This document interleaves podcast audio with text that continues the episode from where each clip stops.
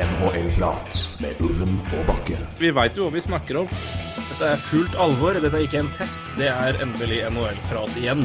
Hver gang jeg ser Markus Hannikainen, så tenker jeg at det er bildekk-møkkja der altså. Vi skravler som alltid, vi. Det er helt vanvittig. Det er ny reklame vår. NHL-prat. Litt som en lei kløe. Oi. Ja, det er ikke så stort mer å si noe enn bare dette her blir jævlig digg. Å endelig få gjort det her igjen. Det er uh, altfor lenge siden. Det vet dere, det vet vi, ikke minst jeg. Uh, det er jeg som har vært bremsen igjen, men det får jeg bare beklage. Men nå er det hockeyprat, og vi har bedt om spørsmål, og det har sendt masse. Og det er kjempegøy. Det setter vi pris på. Vi skal gå gjennom så godt som alle. Vi begynner i bånn og jobber oss derfra. Det, det gleder vi oss til, Roy Jørge. Jo, eh, absolutt. Det er litt på tide at vi prater litt NHL igjen. og det, eh, det syns nok uh, samboeren min uh, mest om. For uh, jeg begynner å prate NHL om med hun, og det, det liker ikke hun. Så uh, ikke har som vett å komme med heller. Så, så hun er like glad som meg akkurat nå, tenker jeg. Ja, Da får jeg bare melde nå at jeg, Ingvild, jeg beklager. Denne byrden skal ikke pålegges deg. Jeg skal herved gjøre min jobb fra nå av. Det vi er nå to, to om det. Så, så det, det, det, er sånn det er. Ja da. Nei, men igjen, som jeg sa, det har vært Vi, vi prata jo på at vi skulle endelig kjøre en på igjen. At det, er liksom ikke noe vits å prøve å oppsummere, for det, da sitter vi her til uh, neste sesong. Men uh, vi ville jo da tenkt å høre litt om dere hadde noen ideer og tanker om temaer som vi skulle snakke om, og det er jo nesten litt overveldende, egentlig. Men det er jo, det er jo nok å ta tak i, og det er vi kjempeglade for. Så vi skal i hvert fall få prate om litt artige ting.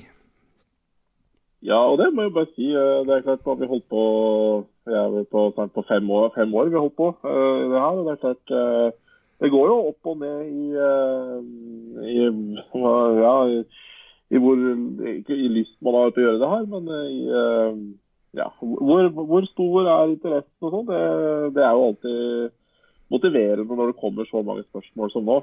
Det må jeg bare si. Aller høyeste grad. Så det er igjen tusen, tusen takk for det. Det er ydmykt, ydmykt glad for det.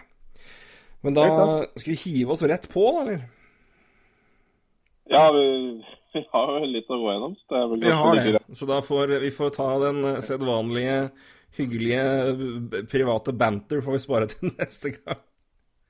Vi får ja, ta gode det, historier da. Men vi begynner med vi får, uh, Men uh, Christer Nordstrand var først på. Han var ivrig på triggeren, og det er jeg glad for. West Playoff Race. Klarer Edmonton Playoffs, var spørsmålet der. Og da skal vi jo i sedvanlig, siden vi har så lite å gå gjennom, så tenkte vi skulle ta litt, litt mer enn det. Men um, hele playoff-racet i seg sjøl er jo ganske fascinerende i begge, begge conferencer. For det er uh, det er en, en power-posisjon i de to conferencene som er ganske fascinerende. For det er uh, Det er betydelig ja. mer poeng i den ene, for å si det sånn.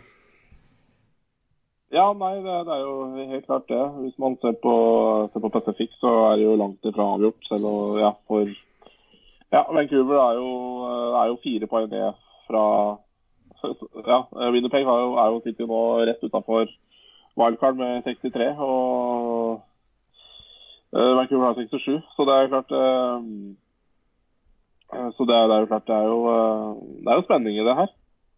Ja, det er, det er tett. Altså, det, er vel Central er det litt verre, tror jeg. Men det, men det, det er vel eh, det Winnipeg har 63 og er da Ja, de er uh, seks poeng bak Dallas med to kamper mer spilt, men de er jo da i wildcard-racet i aller høyeste grad.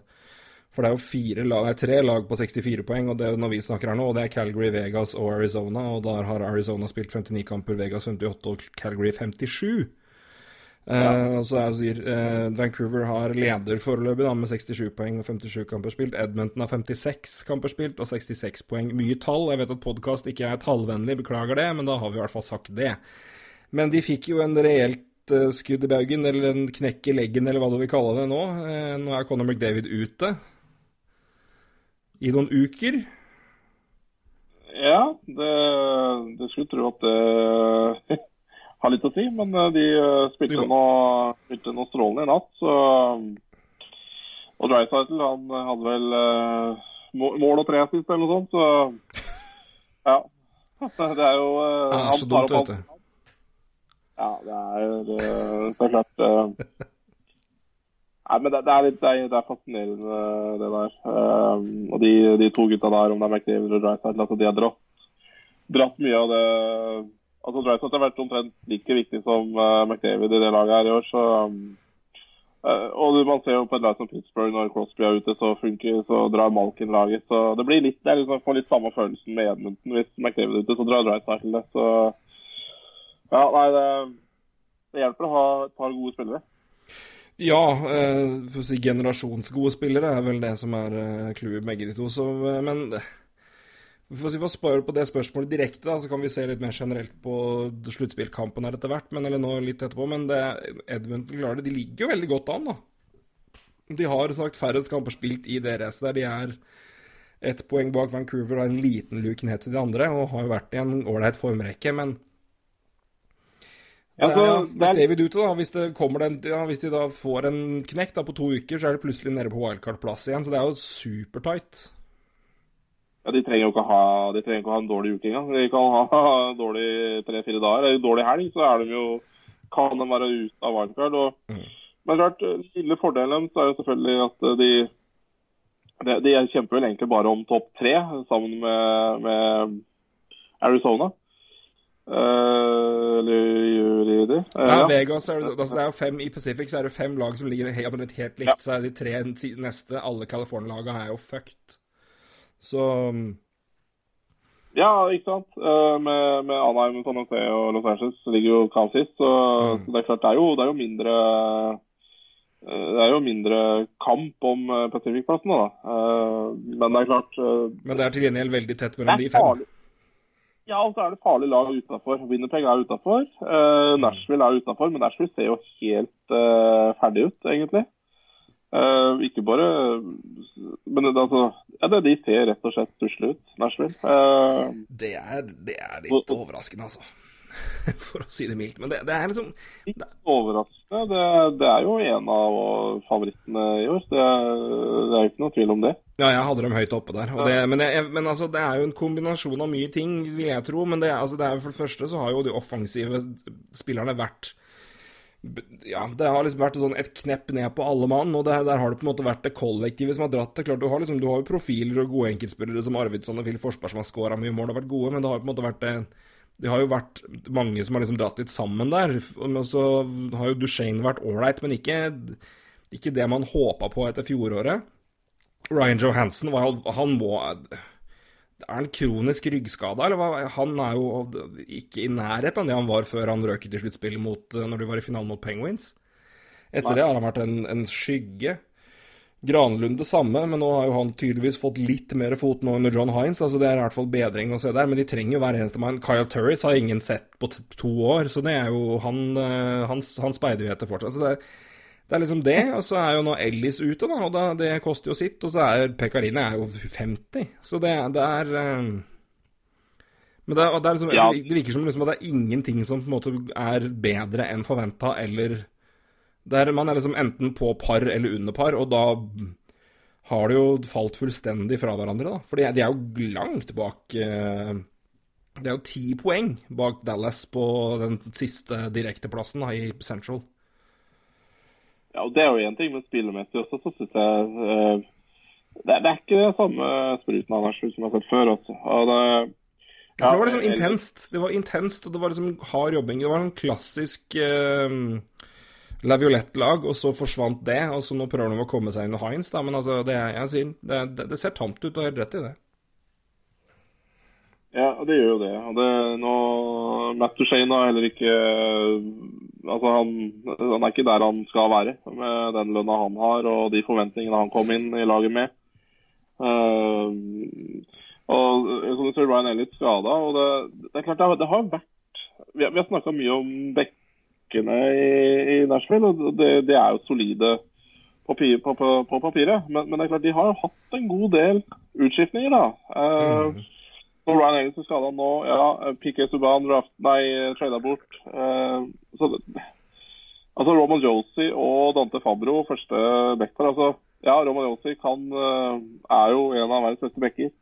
Uh, men Dante Fabro har vi snakka om før. altså det, det, det, er, my, det er mye på kort tid, altså.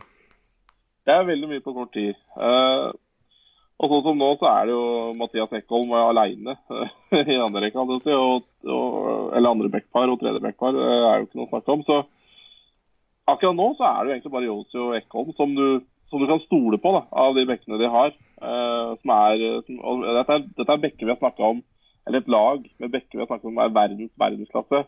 Alle sammen. Og akkurat nå så er det kun Roman Jose og Mathias Ekholm man kan si de er jævlig gode. For Ryan Ellis er skada, han er på vei tilbake. Eh, det blir sårt tiltenkt, men det spørs om det er for seint. Ja, for det som, er, det som, var med de bekkene her, og det har vi jo snakka mye om Når du har de bekker à la de fire som var før, da, Um, ja. og Som nå er to pga. skade. Men de kunne jo spise 25 minutter hver. Så var det 10 minutter igjen til tredje bekkpar, og de kunne man isolere og bruke som det var. Og da var det liksom ikke noe problem. Nei. Og det er jo på langt nær det man har hatt nå. Nei, og det, da, ja da, Pekarin begynner å bli gammel, men øh, øh, Men det, det, kan forplante seg, alt det her. Uh, spesielt når vi snakker om bekker. Så øh, nei, det, det, det, ser nok mørkt ut for muligheten til Nashville i år. Og det er klart, nå begynner det vel å brenne såpass at nå teller de vel det de kan telle. hvis de Ja, med Granlund eventuelt og, og litt diverse. Craig Smith er vel UFA. så Nei, det er rett og slett en gedigen skuffelse. Ja, det er eh, De er heldige for at det er et annet lag i vest som har drept enda mer på leggen, eller så tatt mye fokus, eller så er det For det her, ja. det, det, har vært noe helt annet enn det man trodde. Men hvis vi holder ja, oss i Ja, unnskyld, bare fullfør, du, så skal jeg ta hoppe videre etterpå. Nei, nei, du skulle Det er jo fint å gå til Sharks. Ja, vi kan jo se litt på det, men det var et spørsmål men det, jeg tenkte at Vi fikk et spørsmål om Sharks som egentlig har litt med trade å gjøre, men vi skal ta det etterpå. Men det var um, jeg, skal, jeg kan, Når jeg først nevner det, kan jeg finne det, men jeg husker ikke konkret. Ja. Men det var i hvert fall snakk om muligheten for å trade Burns, og hva vi tenkte om det. Um, nå skal jeg bare finne det spørsmålet. Fader, det er jo det er hyggelig at dere er ivrige, men det tar jo en evighet å bla gjennom det her.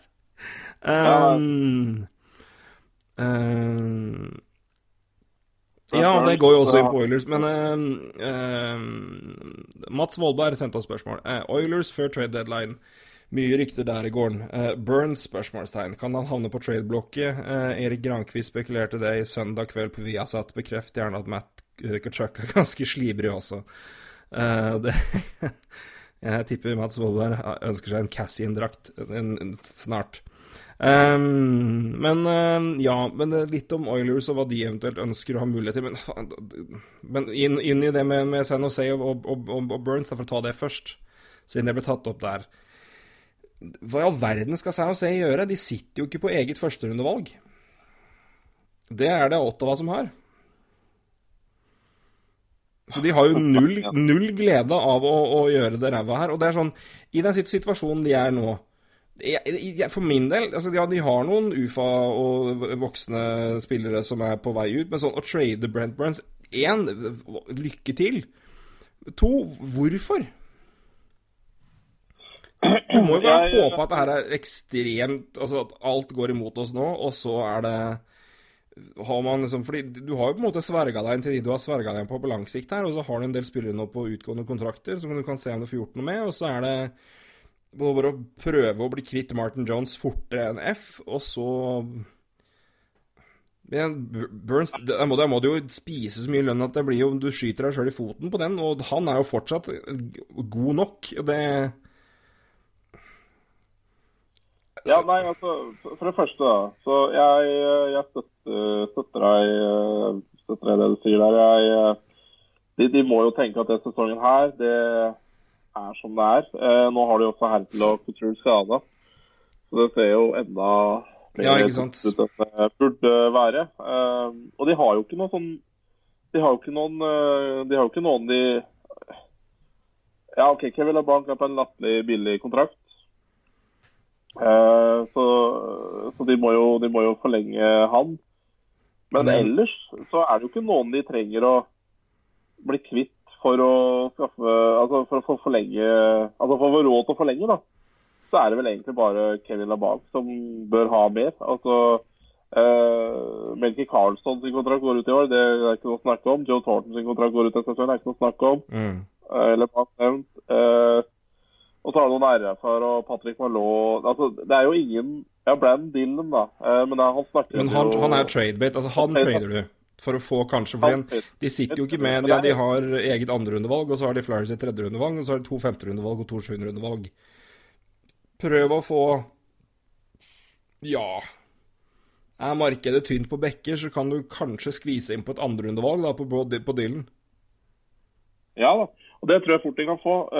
Men, men ikke sant, jeg ser heller ikke noe poeng i å trade Brent Burns. Hadde de hatt noen dyre RFR, som vi vet at de måtte fått på plass, og ja, så kunne man jo vurdert det, men det ikke, de har jo ikke noe av dem heller. Og da kan de heller liksom bare la det stå til en sesong til, da, og se at er det sesongen her eh, bare eh, Altså, er det et arbeidsuhell, eller er det er vi så dårlige?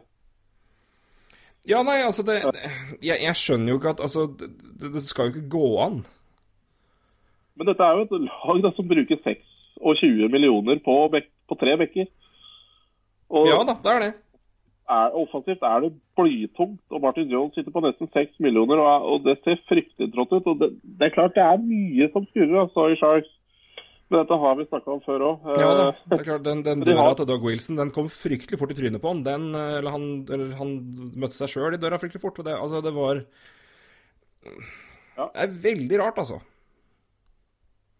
Ja, Hvordan det her plutselig bare smalt. Og det var uh... Men altså, som du sier, det er, det er jo når, når, når, du ser det her, så ser du jo Nå er jo nå er jo eh, Couture vekk her, men altså Når du ser bak eh, Kane, Maier og, og, og, Couture foran her, det er jo grisetynt. Spesielt når Kevin LaBanc har en ganske svak sesong, da. Offensivt er det jo ingenting her. Nei, og jeg syns øh, det er jo altså, Timo Maier òg er mer forventninger til. Og egentlig Emmanuel Kane også. Men, men dette går jo på dette går jo selvfølgelig på kollektivet som ikke altså, det, det er jo grunn til at Timo Maier og Emmanuel Kane også ikke får ut sitt beste. Det er jo klart at det er jo et lag her som sliter. Og samme med LeBanc også. Ja, det er noe så veldig heldigvis at det er ikke sikkert han blir så fryktelig dyr det med den sesongen han har men Nei, Det får jeg trøsten. Ja, det er den største trøsten de kan ha i det laget. Jeg tror Kevin LaBanc fort kan, uh, kan få bra få bra rebounds. Uh, men nei, men de, de, er jo litt fucked på, på keeperplass også. Det, Martin Jones og Dell, det er jo ikke akkurat Det går jo ikke så bra. Og de har vel ikke akkurat all verdens med keepere i i, uh, i Farbusen heller. De har vel han derre Josef Korvar eller hva han heter. Så det er vel det eneste jeg veit om. Men uh, ja. Nei, det er ikke fryktelig Det er ikke noe stort lyspunkt på keeperplassen der, da. Nei, på ingen måte. Så det Nei, det er en uh, tricky situasjon. så det er, altså, Brendan Nillen forsvinner jo garantert, og det tror jeg er bra, men, men, Burns altså, du må, du må liksom bare For du ha, du, du må jo bare bite i det nå, for det, hva faen skal du gjøre, liksom? Du, altså, flytter, du flytter jo ikke den avtalen på en 34 år gammel bekk til 8 millioner i seks år til uten å måtte spise lønn. Og er det én ting den klubben der ikke har råd til, så er det dødcap. Da er de endelig kvitt halvannen million på Paul Martin da, på buyout nå. Nei, men det, er, altså, det går ikke, det. Altså, de, må, de, må, bare kjøre på. fordi altså, Erik Karlsson sin kontrakt også, det er jo Ja, altså altså, de, de, kan ikke Ja, det er klart de Og så er det antall kjøpere for Redburn. Så det, hvem skulle det være? Ja, Nei, for det som er så spesielt nå, som du sier, hvis du ser på Cap Friendly, det har du, det, du er jo inne der like ofte som meg, ingen har Cap Space. Ingen av de lagene som uh, satser, i hvert fall, uh, har jo det. Og det har jo vært dårlig med cap Space på, egentlig gjennom hele sesongen. Så, og da, da, da er liksom, skal du selge Brent Burns til et lag som ikke kommer til playoff, da. Det Hvilket lag utenfor playoff er det som vil ha en 34 år gammel back? Med fem år igjen, eller seks år igjen på åtte millioner. Det er jo ikke mange. Nei, det er veldig så er, Jeg ser ikke hvordan de skal klare å flytte på ham om de har, har lyst engang. Så det, det tror jeg blir vanskelig, dessverre. Men uh, Edmonton bør kanskje kikke på noen andre alternativer på backplass, men uh, Og der har vi ny, uh, ny, har vi ny kontrakt klar, i hvert fall. Jeg tror det. Ja. Per Engvald eh, forlenger to år med 1,25 i annual average value. Det er hyggelig Ja. for både han og Toronto. Hyggelig. hyggelig. Fint. Nei, Jeg tror det, men det er, liksom, det er vanskelig. Jeg kan liksom ikke se hva, hva, hva de skal få til. Men jeg skal bare sjekke for moro skyld, se hva deadline capen til Edmonton kan være. Men eh, det hjelpes vel nå godt av at eh, McDavid får noen dager fri. Ja, Ja, de, har nå en, de har nå en deadline cap space på 3,5 mil. Ja. Det er ingenting. Nei, men altså, Grankvist uh, snakka om Birds til uh, Edmundton. Ja, eller jeg vet ikke, det det virka sånn, men uh, Nei, eller om han kan havne på trade-blokket, er vel det, da. Det var vel mer generelt der, men det var Ja. eh, Det var vel spørs først Oilers for det, Jeg tror det er en, en glidende overgang i spørsmålet så jeg tror ikke det var konkret det. Men siden han nevnte Oilers, så vil jeg bare si at det er vanskelig. Men uansett så er det vanskelig for Edmonton å gjøre veldig mye når du har 3,5 millioner i cap space på deadline, altså. For det er ikke mye. Ja, det, er, det er småtterier. Uh, det, ja. Det ja. Kovalsjuk eller noe. Ja. ja. Han er ganske billig. ja, det er han. Men uh... Nei, men uh, hvis vi skal da bare uh, avslutte vest, egentlig. Ja, det er jo Da har vi på å spart det lengste beste til slutt. Um, vi har jo fått to spørsmål om Wild. To ja, Flere antakeligvis òg, men um, Bare en, bare en interessant betraktning til som ikke handler om Wild. Eh, Arizona også er interessant å følge med på, syns jeg. Eh, det, altså, de trada for Taylor Hall, og Mm. nå ligger akkurat og vaker i uh, vaker i wildcard-land. Altså, det er uh, litt skuffa igjen. veldig, veldig tregt offensivt. Ja. Overraskende der, altså. Uh, det er rett og slett Det er veldig overraskende, faktisk. Skal vi se Jeg må finne spørsmålet her igjen. Uh, har du dem lett tilgjengelig der, eller? Skal vi se.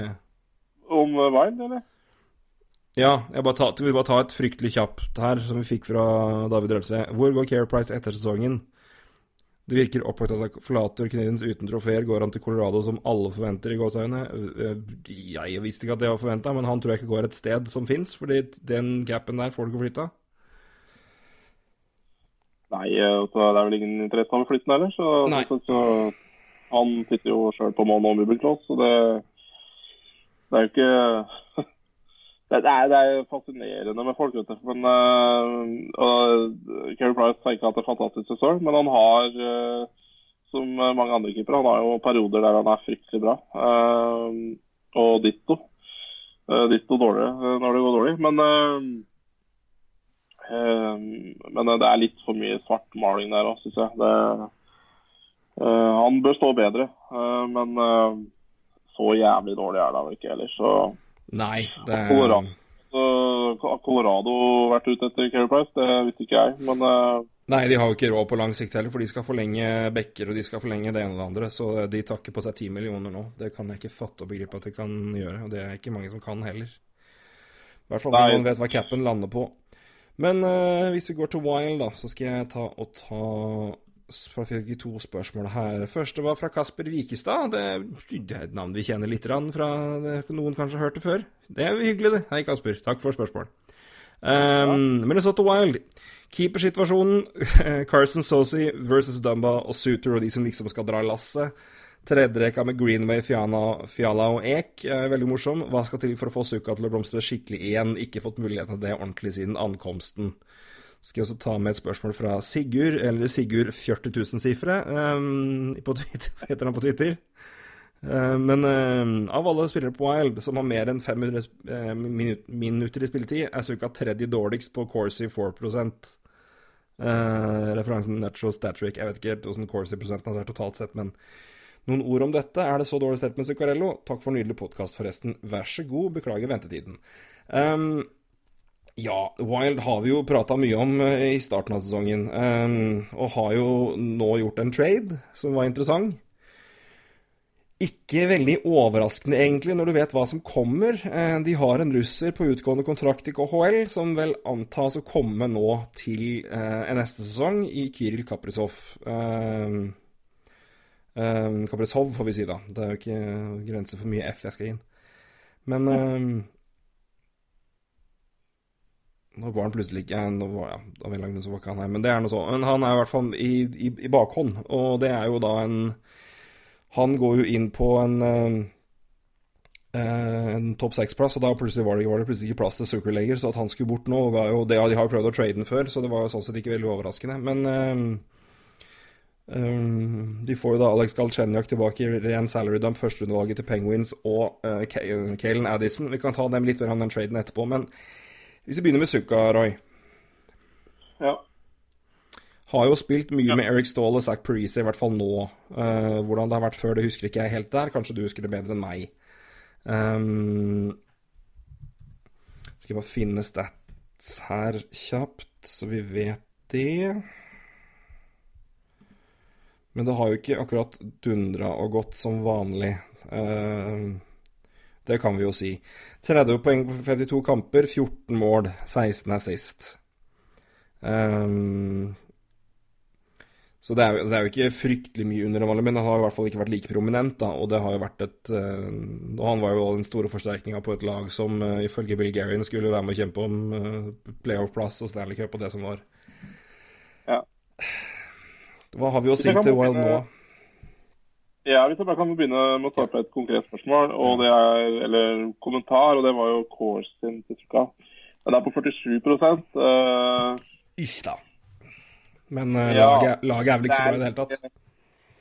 Nei, men uh, eh, 47 er jo heller ikke forferdelig. Altså, det er jo uh, Men det er godt du har ja, pleid å være, da. Så det er, ikke, det, er, jo ikke, det er jo ikke grusomt, som du sier, på langt nær. Men det er jo en spiller som har vært en possession-spiller høyt og høyt oppe lenge. Så man, man, man merker jo, seg jo at det er under 50.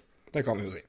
Ja da, og det er av de dårligste i laget. Så det er, ikke, det, så det er jo ikke bra. Men uh, Eh, men det er nå det. Uh, nei, det, og, ikke bare Du nevnte poengene til Suka, men han har også veldig høy skuddprosent. Han har kanskje skutt 17,1 uh, og han har skåret 14 mål. Uh, og hvis du Jeg gikk inn i Natural Statric og så på expected goals da, for Mats Zuccarello. Og hvis han liksom skulle skutt helt normalt, Eh, og, putt, ja, og treffe helt normalt, så skulle han hatt sju mål. Ja. Eh, så, så, det kunne sett enda verre ut hvis han ikke hadde hatt såpass høy skuddprosent som 17,1 Og det, det, er jo også skremmende tatt i betraktning, altså. Ja, det er jo, Vi Får være glad for at han har truffet såpass bra, men det er jo urovekkende at det har vært såpass mye over snittet. fordi han jeg husker det fra første, år, første, året vårt, for han begynte å skåre masse mål. og Da skjøt han jo over 20% og vi sa OK, la oss vente litt, for han skyter vanligvis rundt 12, er det ikke det? Jo, og det har vært uh, tre sesonger under ti også, så Ja, ikke sant. Uh, så det er klart uh, Du kunne halvert målet der, og det hadde vært i henhold til hva, hva, som har vært produsert av sjanser da, når han har spilt. Så det, det kunne sett enda dårligere ut. og hvis man ser på spilletiden hans også, så er den jo uh, er det, begynner å nærme seg fire minutter mindre enn det han hadde i fjor. Han er på 16 minutter, og det har han vel Han har aldri altså er, Siden 2011 så har han ikke spilt så lite. eh, så, og han spiller ganske mye powerplay. Han heller ganske mye. Han spiller sånn som han har pleid å gjøre. Spilte litt mindre enn i fjor, men så han har mista mye fem mot fem-tid, da. Uh, helt klart. Um, og det er uh, Ja, nei, det, det, lukter jo under 50 poeng her. Uh, det, det, vil man jo nesten Det man, kan man nesten garantere. Og det, det er jo særs særs dårlig til å være Zuccarello. Og det bør jo ikke være sånn. Det, er som du sier, han skulle være den store signeringa til Minnesota. Eh, men eh, det har ikke blomstra, gitt. Nei, på ingen måte. Og det er jo sånn sett en overraskende og skuffende. Og det Nå så jeg jo når de, de vant jo nå i natt. Um, og var det 4-0 mot, uh, mot ja. Vegas hjemme. Og da var det jo Fiala som var oppe i topprekka, og han putta jo hadde to assist og et mål. Så etter en fryktelig start, så har jo han nå våkna veldig. Uh, og det er jo bra for, bra for, han og bra for Wild. Men, uh, så da har jo Mats havna nedi nå en rekke med Alex Galchenyuk og Luke Kunin. Eller Luke Cunnin, da. Uh, da skal han dra mye av det lasset, altså. Ja, men bra for Bra for, bra for, bra for Galchenyuk. Ja, og for, og, og for Cunnin, hvis vi får si det. Ja, der. selvfølgelig. Men uh, Trugarello, som har vært en fyr før, som har um, hva skal jeg si, fått andre spillere til å blomstre, så kunne vel omtrent ikke Galsjenek fått en uh, større gavepakke enn det. Men uh, da må han jo ta, ta vare på den sjansen, da, og det tviler jeg vel på at han gjør. Men uh, nei, det er interessant. Og som Kasper Rikstad så prater om her, keepersituasjon. Det er jo to keepere med under 90% og ja, nei, det, det, det går trått der også. Men ja, veldig. Men, men er du overraska over at jeg holdt såpass lenge på um, At de ikke har plukka opp De har jo um, Kapokakkenen i AHL som var oppe og spilte fem kamper og hadde vel en redningsprosent på rundt, redningsprosent på rundt 92 og gjorde det ganske ålreit. Og Staylock har jo ikke vært bra og har jo en kontrakt de kan flytte på. Nå hadde jo han skjøtta til natt, bare for å liksom gjøre det her argumentet litt vanskeligere for oss. Men, men det er jo en også litt vanskelig situasjon, for det er jo han tyder jo å være keeperen de håper skal ta over. 23 år eh, fra Finland og vært god der og vært ålreit i AHL noen år og fikk jo sjansen, som sagt. Fem kamper gjorde det godt der. Fem kamper er jo ingenting, men det er tydeligvis en keeper de har litt håp om. Um, de har jo Dubnik da ut det året her og neste år på 4,3 millioner. Og der Staylock er signert to år etter neste sesongen, her, men det er jo på 700 000, så den kan jo elegant bare flytte ned og sette på Evers. Det koster deg ingenting. Men um, det, det, er klart at Dubnik er jo ikke i nærheten av det han var når han var på sitt beste og fikk den kontrakten her, for da var han jo ja, boble ti, topp ti i NHL på sitt beste, og det er han jo ikke i nærheten av. Nå er han jo nærmere bunn fem. Ja, nei, Han var vel i Retina-praten, han, når han uh, fikk den kontrakten der. og det Men det er klart, han uh, Man så vel litt faresignalene med Dubnik. da. Uh, det var jo en keeper som slo gjennom seint. Og, ja. og fikk det plutselig til å klaffe. og Nå er det jo bare tungt. Men nå veit jeg ikke helt detaljer om Devin Dubnik, men han har jo han har jo vært en del uh, ute i år uh, med personlige ting, bl.a. Vært en del greier, og litt skader. Så det kan jo være andre ting med Dubnik også. Han er jo 33 år, så ja. Uh, det, dessverre så har de nok ikke keeperne i år til å dra det lasset her, tror jeg. Men ja, altså jeg liksom deler litt din tanke om Capo Kakon. Da. Det kunne jo vært en uh, Jordan Biddington, det. Uh, som kommer inn og gjør nettopp det jeg snakka om, og drar lappen. Ja, vet, det er klart at jeg vet ikke hva de tenker om det. Men I hvert fall når tanken er så klar fra ledelsen at de ansatte jo Bill Guerin fordi han mente at det laget her var gode nok til hun kunne prestere nå, og ikke Ron Hextall som sa gi meg tre år, så skal jeg fikse opp i dette her, som han jo gjorde med Philly.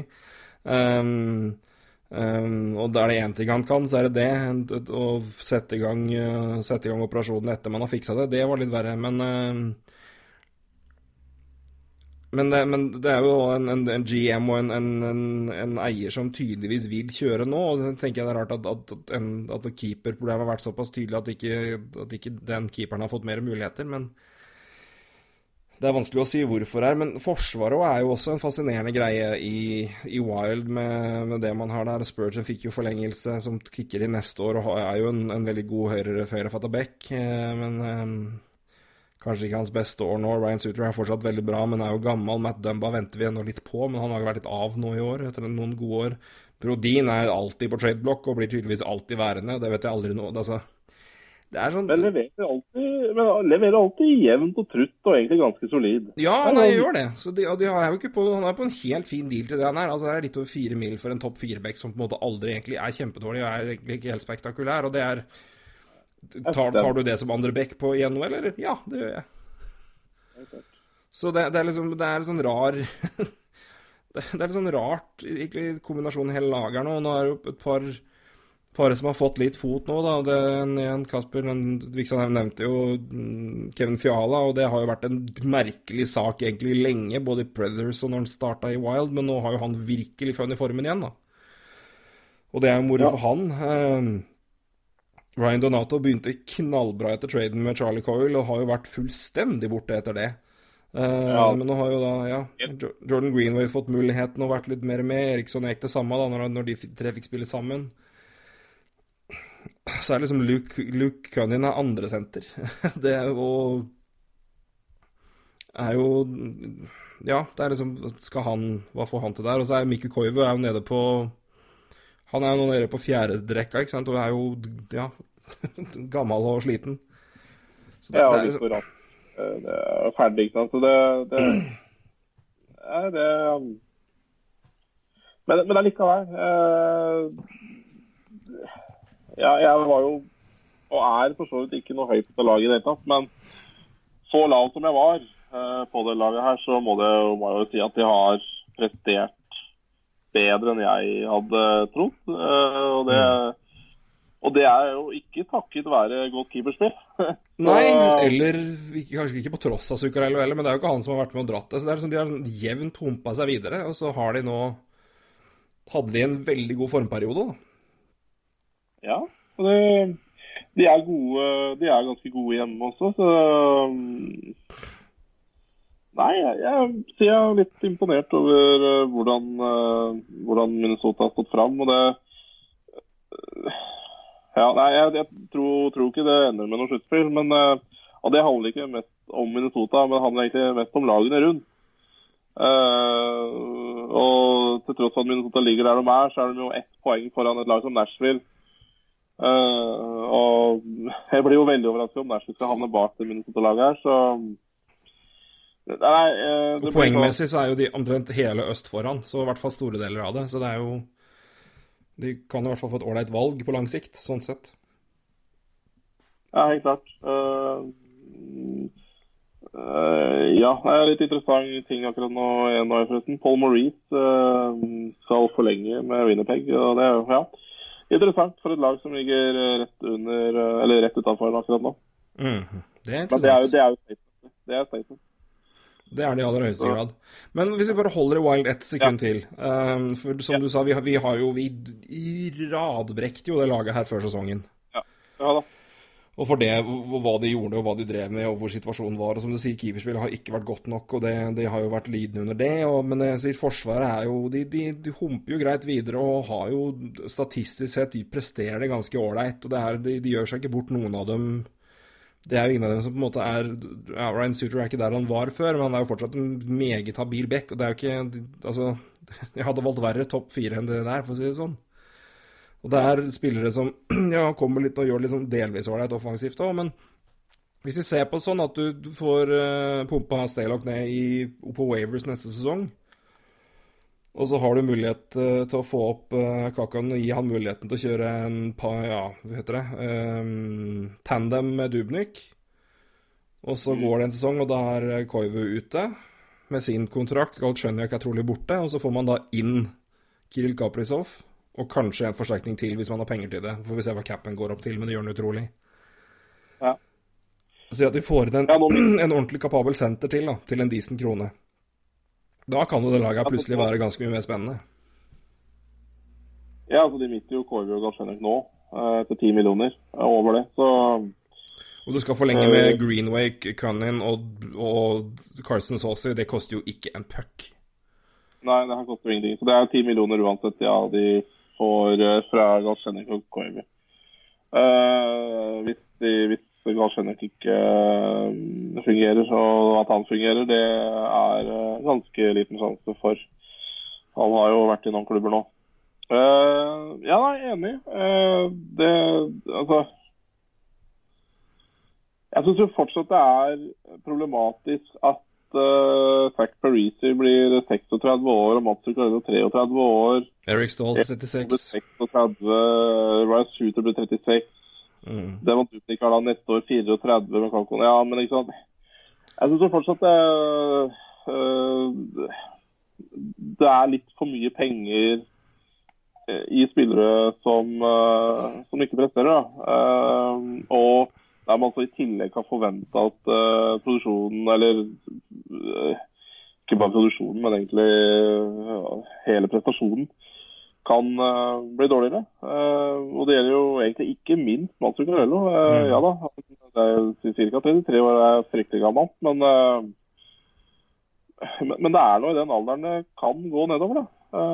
og man ser jo det i år. Det går jo ikke så bra. så det er, det er, kanskje der jeg er mest skeptisk til hele laget, da. Ja, det er, det jo det som er litt, litt problemet der. Men det, det, si, det vi kan ha litt håp om, da, er jo at det kommer noe som kan flytte Parisi ned. At han skal spille, for han er jo ikke førstelinjespiller lenger. Det, men kan du sheltre han ned da, på, en, på en andre rekke, f.eks., og så har du hvis Kaprasov kommer inn, da spiller han første rekke sammen med Zuccarello og Jahab Eric Stahl, da, eller en annen senter de eventuelt henter inn. Um, så har du i hvert fall muligheten til å skjelte litt. Der. Så det er, det er litt lys i tunnelen her, syns jeg, mer enn det var før sesongen, med tanke på at de spillerne som ble henta inn som tydeligvis ikke funka, nå gjør det. Det er primært Kevin Fiala, men jeg får jo håpe at det fortsetter.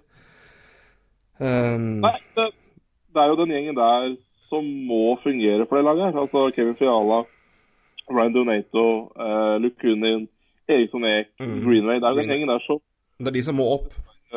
Det er de som må ta steget opp. Uh, helt klart. Uh, og de er i den alderen de skal gjøre det òg. Det er ikke snakk om at uh, det er ikke snakk om du kan vente på at Ryan Donato i alder av 23-24 år skal skinne. Ja, det må skinne nå, det. og Viktor Rask må de jo bare få kvitta seg med. Det, det er fire millioner. Det var traden, ja, det var traden sin, det. Fytti rakkeren. Huff a meg. Ja, det hadde sett, sett, bedre ut med de drautere her, ja. Det hadde det. Ja, det hadde det. Betydelig bedre. Mats Bucarello og Nino Niederreiter, det hadde faktisk uh, fungert uh, Eller kunne ha fungert bra. Ja, det er to som tradisjonelt sett holder pucken mye, så det er jo I hvert fall kapabel til å holde på puck, så det hadde i hvert fall ja, En med god pasning og en med bra skudd, så ja. Mm. Ja, nei, det er litt sånn Ja, det, det er jo det det er, da, og det er bedre enn det vi trodde det var før sesongen. Det må vi jo si. Men vi, var, vi tok jo det laget her ut bak låven og skjøt dem med hagle. Det var det vi gjorde før sesongen. Så det, det, det puster i hvert fall. Det får være det. Det mest, mest oppløftende sånn sett. Men uh, Men det er jo Ja, ja men, og drafta litt de siste årene også, eh, et par siste sesongene, eh, som eh, som kan gi resultater. Og Kaprizov eh, kommer han neste sesong, så er jo det ja. Potensielt en kjempeforsterkning, så det Ja, det er potensielt. Absolutt. Mm. Det er jo ingen som er sjøl ting. Men, uh, men uh, potensielt så er jo det en Ja, kanskje en ny Panarin eller noe sånt. Så Nei, det, det er spennende. Jeg, mm. jeg, jeg jeg må jo bare si jeg må egentlig ta av meg hatten litt for hvordan det Minnesota-laget her har uh, stått fram og få, egentlig klart å få de poengene de gjør. Men sånn har de jo vært de siste årene. Det, det har vært uh, har aldri vært noe flashy ved laget, men de har jaggu alltid klart å karre seg til noen sluttspill og sånn. Så ja, det er et eller annet som bor i ryggene der. I, Brucey boy, altså. Han gjør et eller annet riktig ja. på benken. Eh, jeg skal bare ta, ta nevne én ting fort, og så tar vi to sekunder på, på traden og se litt på den, for den er jo interessant i seg sjøl. Men, uh, men uh, etter traden som var, som jeg nevnte, da, med Sucker til, uh, Sucker til Penguins og Galchenyuk, Kalen Addison og førsterundevalg i 2020 eller 2021 til, til, Wild, så sa Bill Garrion følgende om at de ikke måtte ta det her som et tegn på at de skulle gi opp sesongen nå. Altså, jeg, jeg kan love dere dette. Altså, I can promise you this. If there's quit, there will be more trades. So I wholeheartedly expect this team to compete for a playoff spot. We're right there, and if there's any signs of anybody taking their foot off the gas, that will be an indication. Så han håper jo at det laget her fortsatt kan være med og krangle. Og de er jo, de er jo fem poeng, tror jeg. Fire poeng bak, fem poeng bak en wildcard-plass nå. Så det er jo ikke ute av det, som vi sier. Um, så, men foreløpig ligger det ikke an til flere trades, men jeg vet ikke helt hvem det skulle være heller, sånn det ser ut. Um, men det er jo, jeg syns jo det er en, en, trade som er veldig veldig ålreit for begge lag. Eh, Pittsburgh får en åpenbar forsterkning i Jason Zucker, som, og Um, Trader vekk Galchenyuk, som har mer eller mindre det samme i lønn. Det er vel 600 000 mer på Zucker i årlig cap hit, og det, det klarer Pittsburgh å spise, selv om de er tett på capen sin. Um, de trader vekk Kale Nadison, som var et andrerundevalg i 2018. Uh, Beck som uh, i en veldig bra offensiv Beck-draft.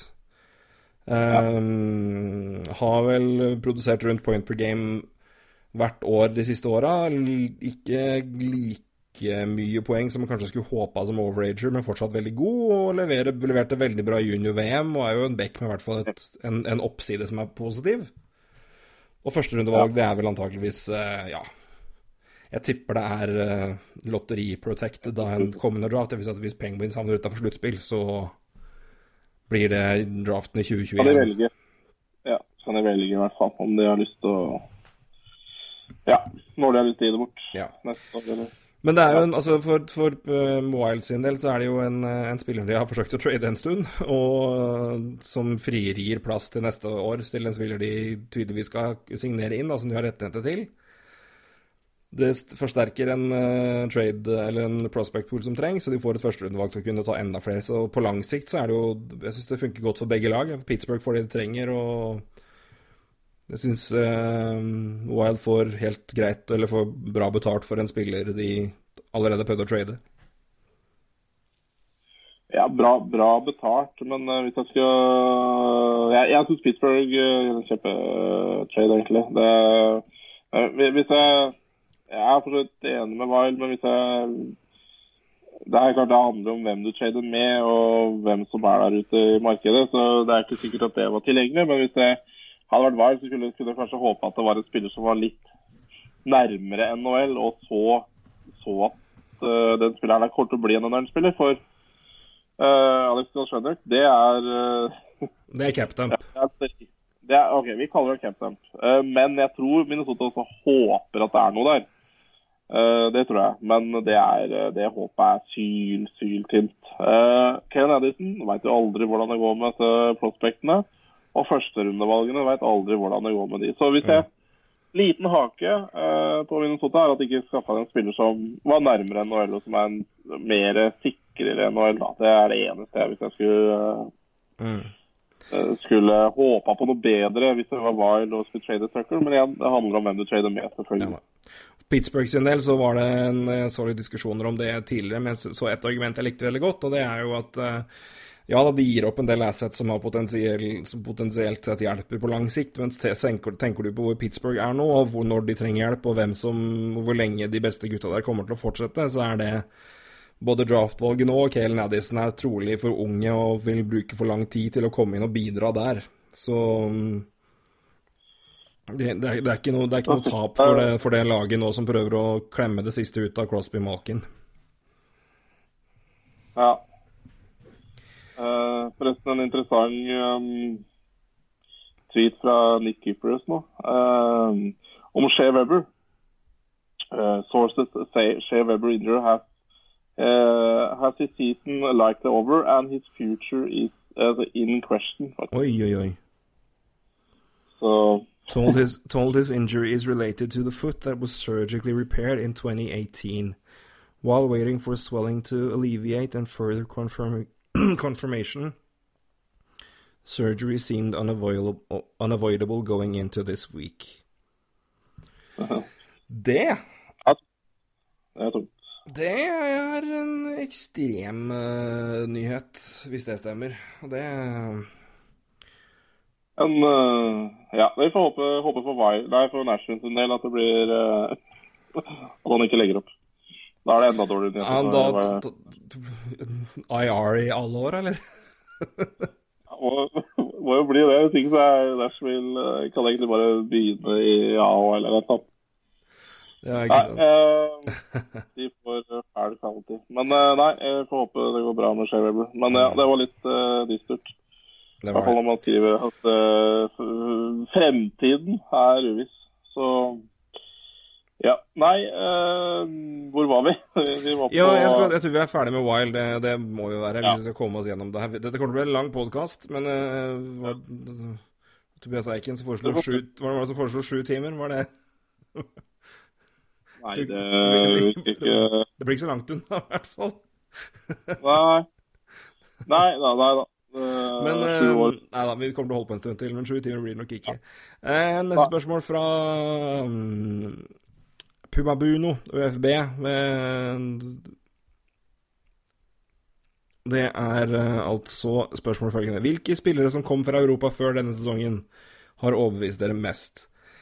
Uh, Kubolik, Mikhaev og Samsonov er tre som har levert over forventning, for min del i alle fall. Så fulgte han opp med Vet Samsonov var i Hershey sist sesong for å grommes, men tar han med i min egen beregning.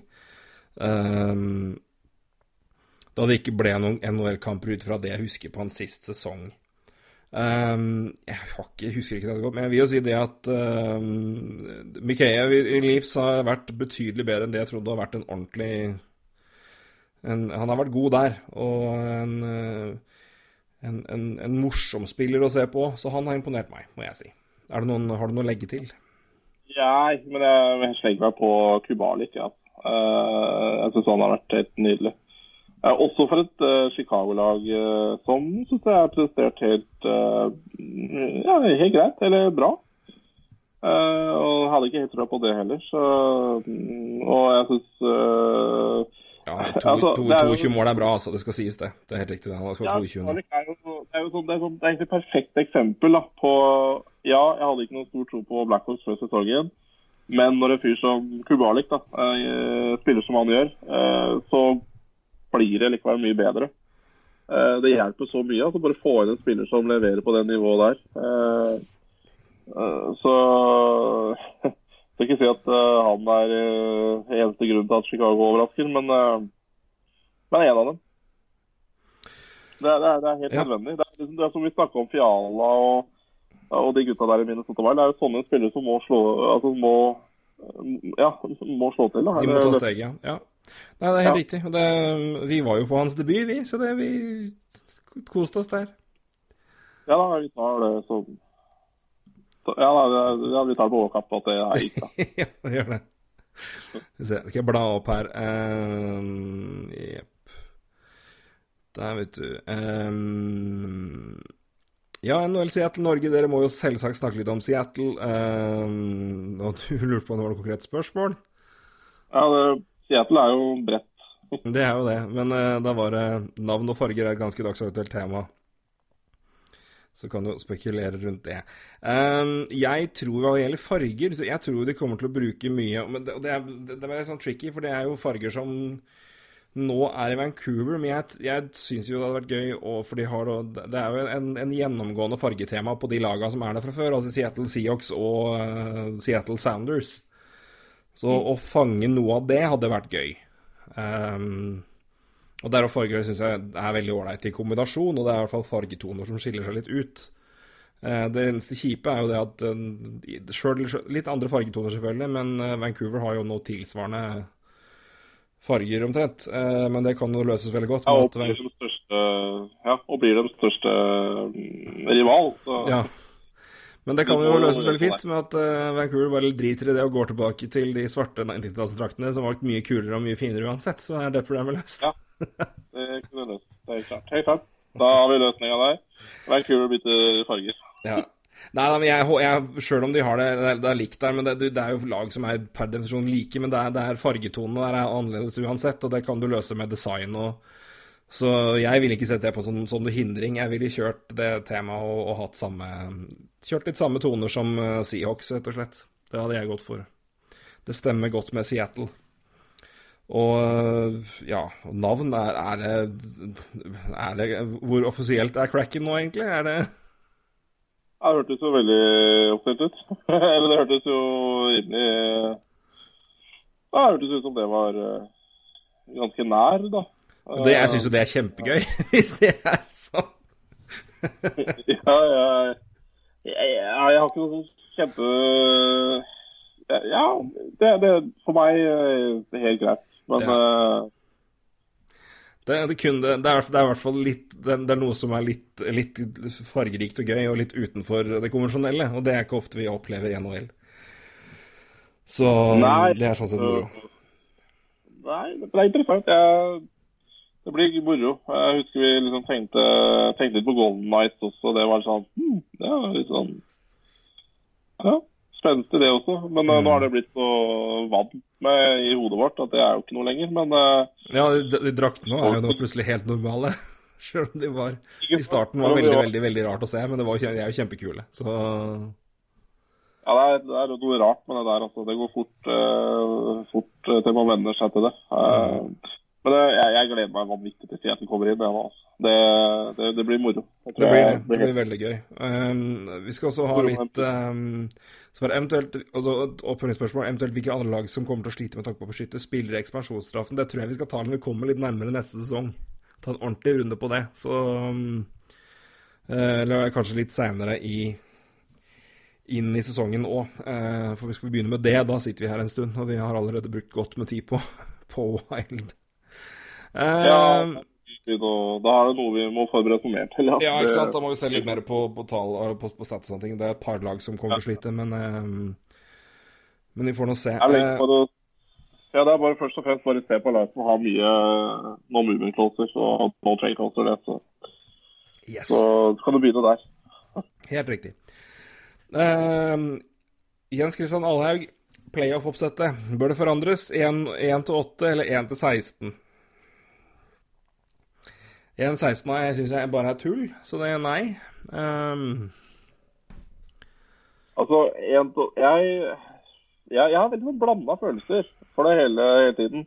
Jeg, jeg, vi veit jo alle hva NHL prøver på med det oppsettet de har i dag. Mm. Altså, de, de, vil jo ha de vil jo ha Control Toronto og Control Boston og Altså, de vil ha de oppgjørene der. Det, det, det lukter jo det lag meg. Eh, Så jeg skjønner jo at de vil ha det. Det er bare folk hele, helt til, hele tiden. Men eh, Jeg syns, jeg syns prinsippet i den bak det var genial når den kom, så det, jeg liker den godt. Men ideen og hvordan de gjennomfører det. Men eh,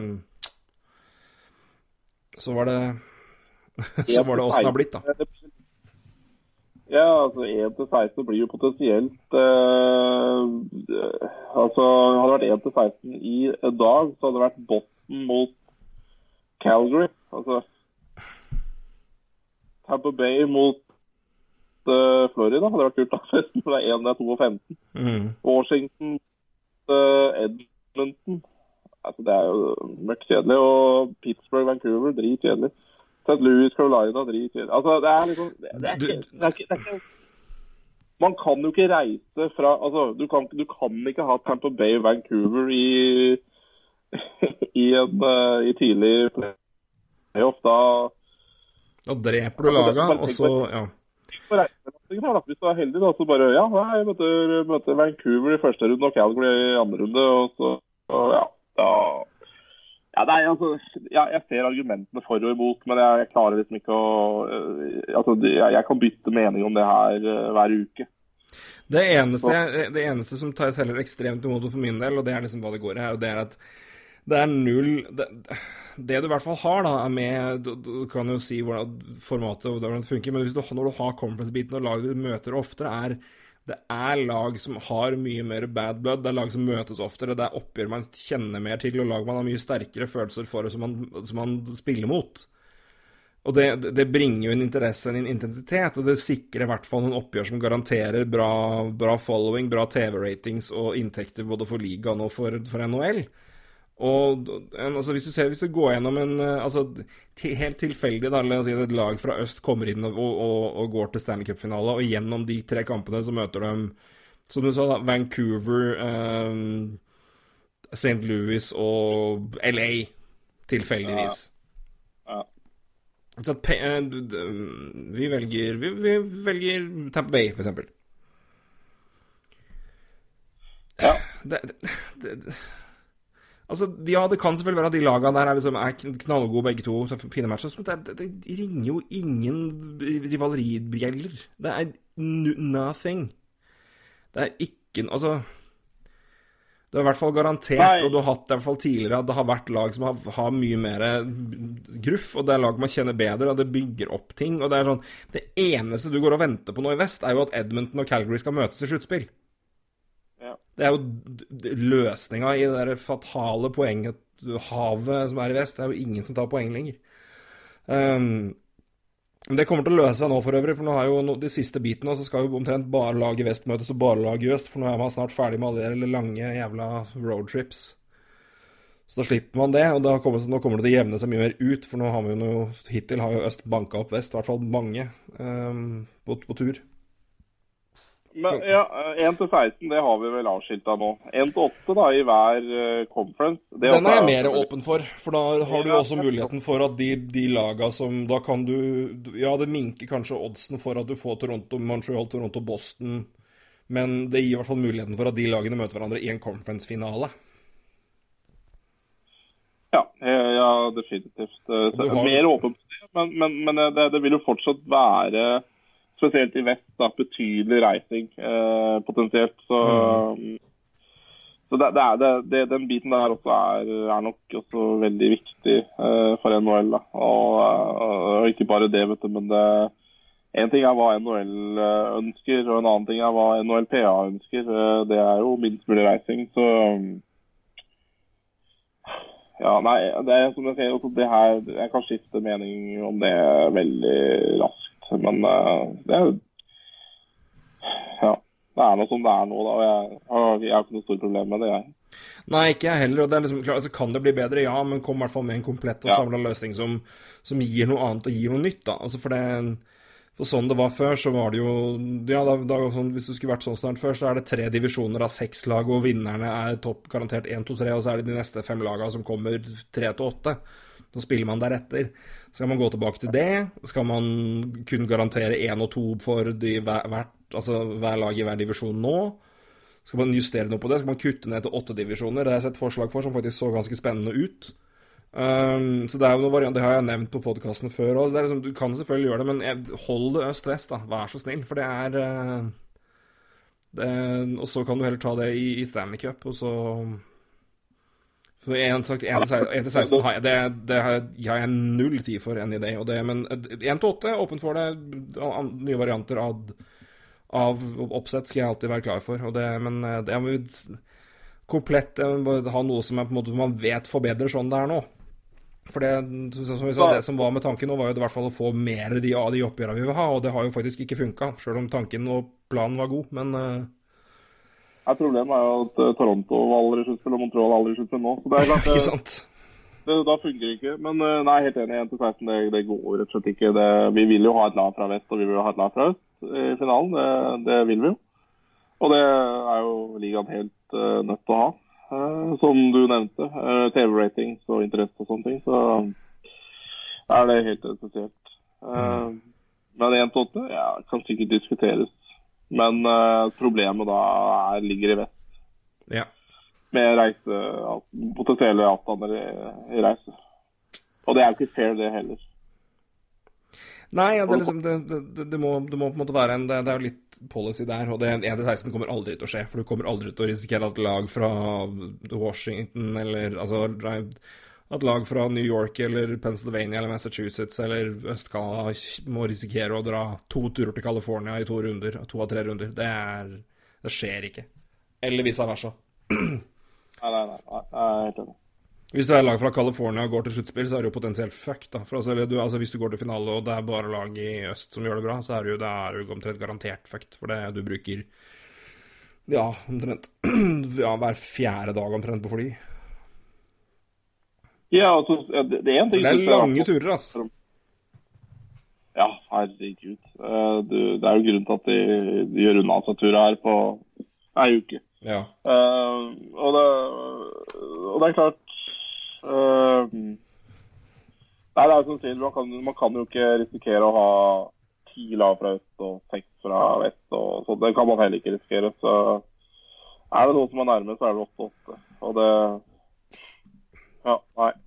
Uh, Vi ser hvordan det har vært nå, for nå er jo det er jo helt I hvert fall inntil nylig var det jo helt ko-ko. Du, du, du så jo på det i stad. Hvis du ser på lag nå i vest og øst Én, to, tre, fire, fem, seks, sju, åtte, ni, ti. Ja, nå er det ti, jeg har sagt nå er det ti av, um, ti av seks er nå fra øst. 10 av 16, ja. Ti, ti av 16, ja, selvfølgelig, så er det seks lag fra vest. Ja. Så er det Boston mot Calgary da i første runde. Ja, så jeg. Det er eh, Ja. Nei, det blir um, eh, Nei. Kort svar. Nei. Nei. Og, uh, ja. Nei, vi sier det. Vi går videre til uh, litt uh, mer her. Skal vi se, jeg hopper over det, for det var litt mer sukka ting av det vi snakka om. Skal aldri Buffalo Sabres, Sabres lykkes, undrer eh, Marius eh, Solheim. eh, og for å for å legge på Nilsen, da. Den uh, mannen du har speidet fotball av. Um, og hvor lenge gidder uh, Eichel å være med på dette? Det er jo spørsmålet som vi stiller alle lag som suger lenge med en god spiller. Det gjorde vi lenge med Edmund nå, men nå har det tydeligvis gått bra. Men uh, Nei, men hva Buffalo Hva gir du meg, liksom? Jeg, jeg, jeg,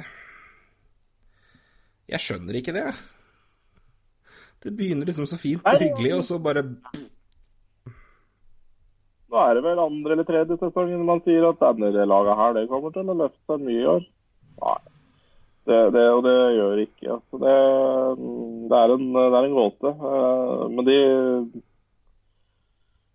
De, de eh, slipper jo inn mye mål, da. De, jeg synes også de, de har noen merkelige resultater. Altså, de kan jeg, jeg, altså det, er jo, det, er jo, det er jo, blir jo så dumt å si at uh, de taper for mye, men, uh, for det gjør de jo opplagt. Men, men, men det er sånne kamper jeg det, det her må Buffalo vinne, liksom. Men nei, det er ikke i nærheten. Og på laget, så altså Se på Jeff Skinner, da. Ta et eksempel han. Altså, så bra han så ut i fjor. mm. Uh, og med en gang han fikk dere kontrakt, så, så er det ikke så bra likevel. Uh, og Jack Eichel, altså det Han skal ikke Han, han leverer jo så det griner etter. Ja, virkelig. Uh, så nei, men uh, Carter Hutton, da. Det er, det, det, det, jeg syns det er liksom relativt likt uh, Minnesota i målvaktsituasjonen. det, er, uh, det er litt på tynt og uh, Linus Ulemark, uh, 26, er jo egentlig en fin, uh, fin alder for Sjåenens keeper og står helt greit, men også en del skada. Så og Viktor Olofsson ble skada, og da syns jeg også Da syns jeg faktisk laget mista mye ting. Eh, eh, naturlig nok også i Powerplay, eh, for det de leverte jo mye Powerplay inntil eh, Olofsson ble skada. Så nei, det vil jo ikke lykkes, da. Eh, men eh, noen godt svar på hvorfor, det har ikke jeg. Nei, ikke jeg heller. Det er liksom ikke noe Det er liksom Vi venter jo liksom på at det ordentlig skal ta ordentlig av, og det er Det skjer liksom ingenting. Uh, har vi jo vært et, en case i Middlestad har vi venta på i to år. Han er jo nå i Rochester og spiller i AHL. Ja, nei, det går ikke. Så nei, det er eh, Det er kontinuerlig for tynt bak Jack Eichel, altså. Det er liksom rart å få liksom Ja, men nå har de fått inn backer. De hadde jo Mon Brandon Montour, som vi vet var til etter han har levert til Anaheim, og det var ikke sånn at det var jo på verdens beste lag. Altså, de var gode, men han var jo bra der.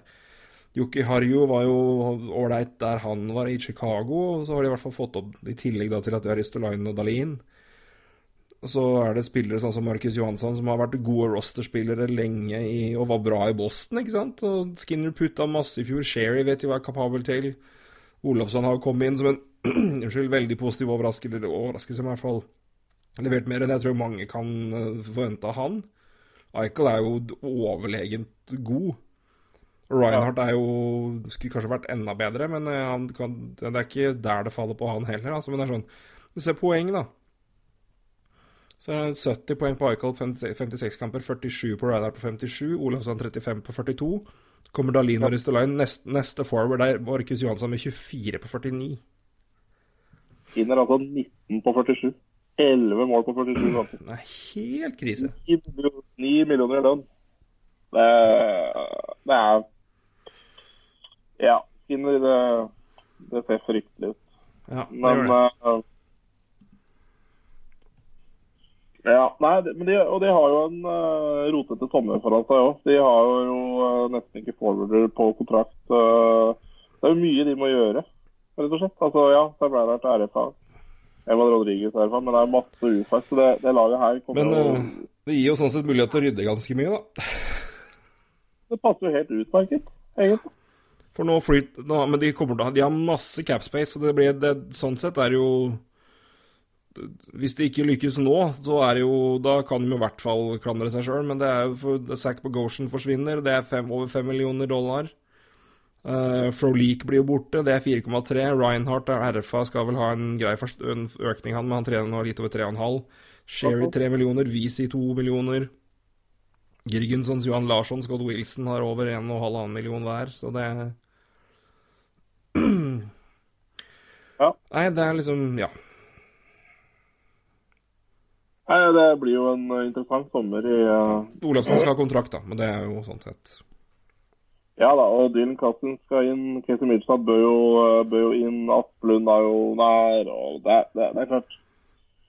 Det er, det, det er noe håp her, men Det er håp, men, men det kommer jo til å ta tid. Fordi Ja. de som spiller skal eh, spille seg inn, og de skal bli vant til NHL. og de skal... Nei, så det er Det er ikke, det er ikke en quick fix, det laget her. altså. Som, eh, det kan ta tid, men eh, de er nok ikke ferdig med å bygge opp. Nei, på langt nær. Men eh, som vi sier, det, det som er å glede seg over, det er jo altså, selv om det ikke har vært fryktelig godt ellers, så er det jo i hvert fall forsvarselementer der som bør tyde på at det bør, bør bli bedre. Og så er det, eh, som du sier, flere hor- forwards som, som i hvert fall bør komme inn og være med å bidra og gjøre det bedre der etter hvert. Og så er det jo en knallkeeper potensielt da, i Ukapeka Lukonen som trenger noen år, men han kommer jo etter hvert. Så det er, altså, men det er jo Men hvor lenge må du vente i Buffalo? Men eh, det kommer til å bli en ordentlig opprydding der i Ja, fra egentlig bunn seks eller mid, mid six, da. Ja. Så, sånn sett så kan det skje ganske mye. Jeff Skinner kan jo ikke prestere så dårlig. Nei, det går ikke an. Det går ikke an. Det, han må, Eh, hvem spiller han med nå? eh, skal vi se eh, Buffalo Tredjerekka er han med Frolik og Rodriguez. Han, han, altså, ja. det, jeg, han har vel kanskje gjort det, men du må jo bare lime han på hofta til Jack Eichel. Og nå, Ja. sier jeg, nå sier jeg det som om de ikke har gjort det, og det har de sikkert gjort. Det har sikkert Krüger gjort, men altså Det må Ja, da han, bør jo spille med Eichel. Noe annet er jo uh, reint bortkast, da. Men uh, å la Skinner spille med Evan Rodriguez og Mikael Frolik, det er i hvert fall bortkasta. det, er liksom, Uh, det kan da ikke stemme. Hæ? Det går ikke an. Hva da? Forrige, forrige match så spilte Dahlin i tredje par med Colin Miller. Hva? Det kan da ikke stemme. Nei, eh, jeg bruker et annet eh, verktøy, og der er- står han i første par med Colin Miller. Ja, det må være, det må være riktig. Det kan da ikke stemme at det er noe annet enn det. Så Det vet ikke være om det er første eller andre par eller tredje par. Det tror jeg eneste som har noe, sier er jo antall minutter, egentlig. ja det må være det. Og Så- gode Stalin spilte um, Han spilte ikke kjempemye forrige gang. Han spilte 18 minutter, Ja. faktisk. Så um, Men det er veldig spennende lag å følge mot sommeren, altså. For som du sier, der er det mye kontrakter som går ut, og det er mye penger som forsvinner. ja. Nei, de kan, uh, det, det blir veldig interessant å se. Det blir det. Rett og slett. Um, så det er interessant, for å si det mildt. Uh, Buffalo, ja Skal vi se Går oppover neste spørsmål. Neste fråga. Um, Ja. jeg tror vel uh, Marius eh, Husby spurte tidlig, jeg tror jeg så det, men um, keepersituasjonen i Rangers Ja. Ja, Sjesterken uh, ser jo faktisk ut til å Han er jo nå blitt førstekeeper. Ja, vunnet, eller vunnet, tatt over, er vel uh, riktig. Uh, og det Han spiller jo veldig bra òg. Eller spiller veldig solid. Spilt kjempebra. Uh, det, det, ja, keepersituasjonen det, det, er ikke så mye å snakke om. Det, altså, Lundqvist uh, Jeg tror uansett om New York Rangers så flytte Lundqvist, så er det opp til Lundqvist. Så ja. Det er så mye hvis om at det dersom at det der at uh, jeg vil heller jo egentlig mot at Lundqvist aldri blir trada. Uh, så er det timinga på det. Altså, hvis, hvis, hvis, det ga mening for han å dra, så burde han gjort det i fjor. Han hadde muligheten ja. til å dra til et lag som hadde putta all verdens all verdens pics og cash og alt mulig inn i et haug med spillere i Columbus. Og Jeg skjønner jo det at det ikke er spesielt gøy å tilbringe to år i Columbus på tampen av karrieren sin, men det er i hvert fall et lag som da satsa og, og ga mulighet for å vinne, og da var jo Rangers balle dårlig. Nå har det jo vært ålreit ja. nå, og nå er det to år igjen, eller litt over ett år igjen den kontrakten her. Og hvis han sa nei da, så sier han jo nei nå. Så er, du må jo bare gå for Georgiev og prøve å få noe for han. Uh, ja, jeg, jeg, jeg, tror det. Og Henrik Lundqvist uh, ja, jeg tror det er mer sannsynlig at du kan flytte han på deadline i neste sesong da han å gå ut. For å være noen måneder borte fra, fra Kvinns unger, det tror jeg han klarer. Men jeg, jeg, vet ikke om det er noe poeng for han å flytte hele familien fra New York for at han bare skal få prøve seg et annet sted. Det, Nei, altså gir jo det også muligheten til å ha en stabil overføring til Sjøsterken, At han ikke må gå inn og ta 60 kamper det er i hvert fall en keeper som du vet Da kan de stå ja, 60% 40% 55 40 Altså det, det, gir en glidende overgang, og det gir en og en, eh, en, verdig avskjed. Men jeg, jeg syns i det sekundet han sa nei i fjor, så er det uaktuelt for han å gå dra noe annet sted, så det er det Ja.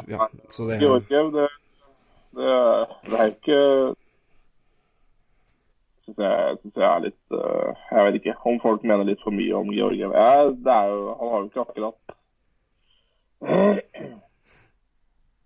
det er det han står fryktelig fælt i, i, over perioder, da. Det er jo det at han eh, Men det er jo igjen, mengden kamper han har stått, og stabiliteten. Hvor mye kan man stole på den? Det er vel der det Det som er usikker på. Ja, ja det har spilt tre kamper nå siden 21. januar, og det er 89,3, 83,3, 77,8.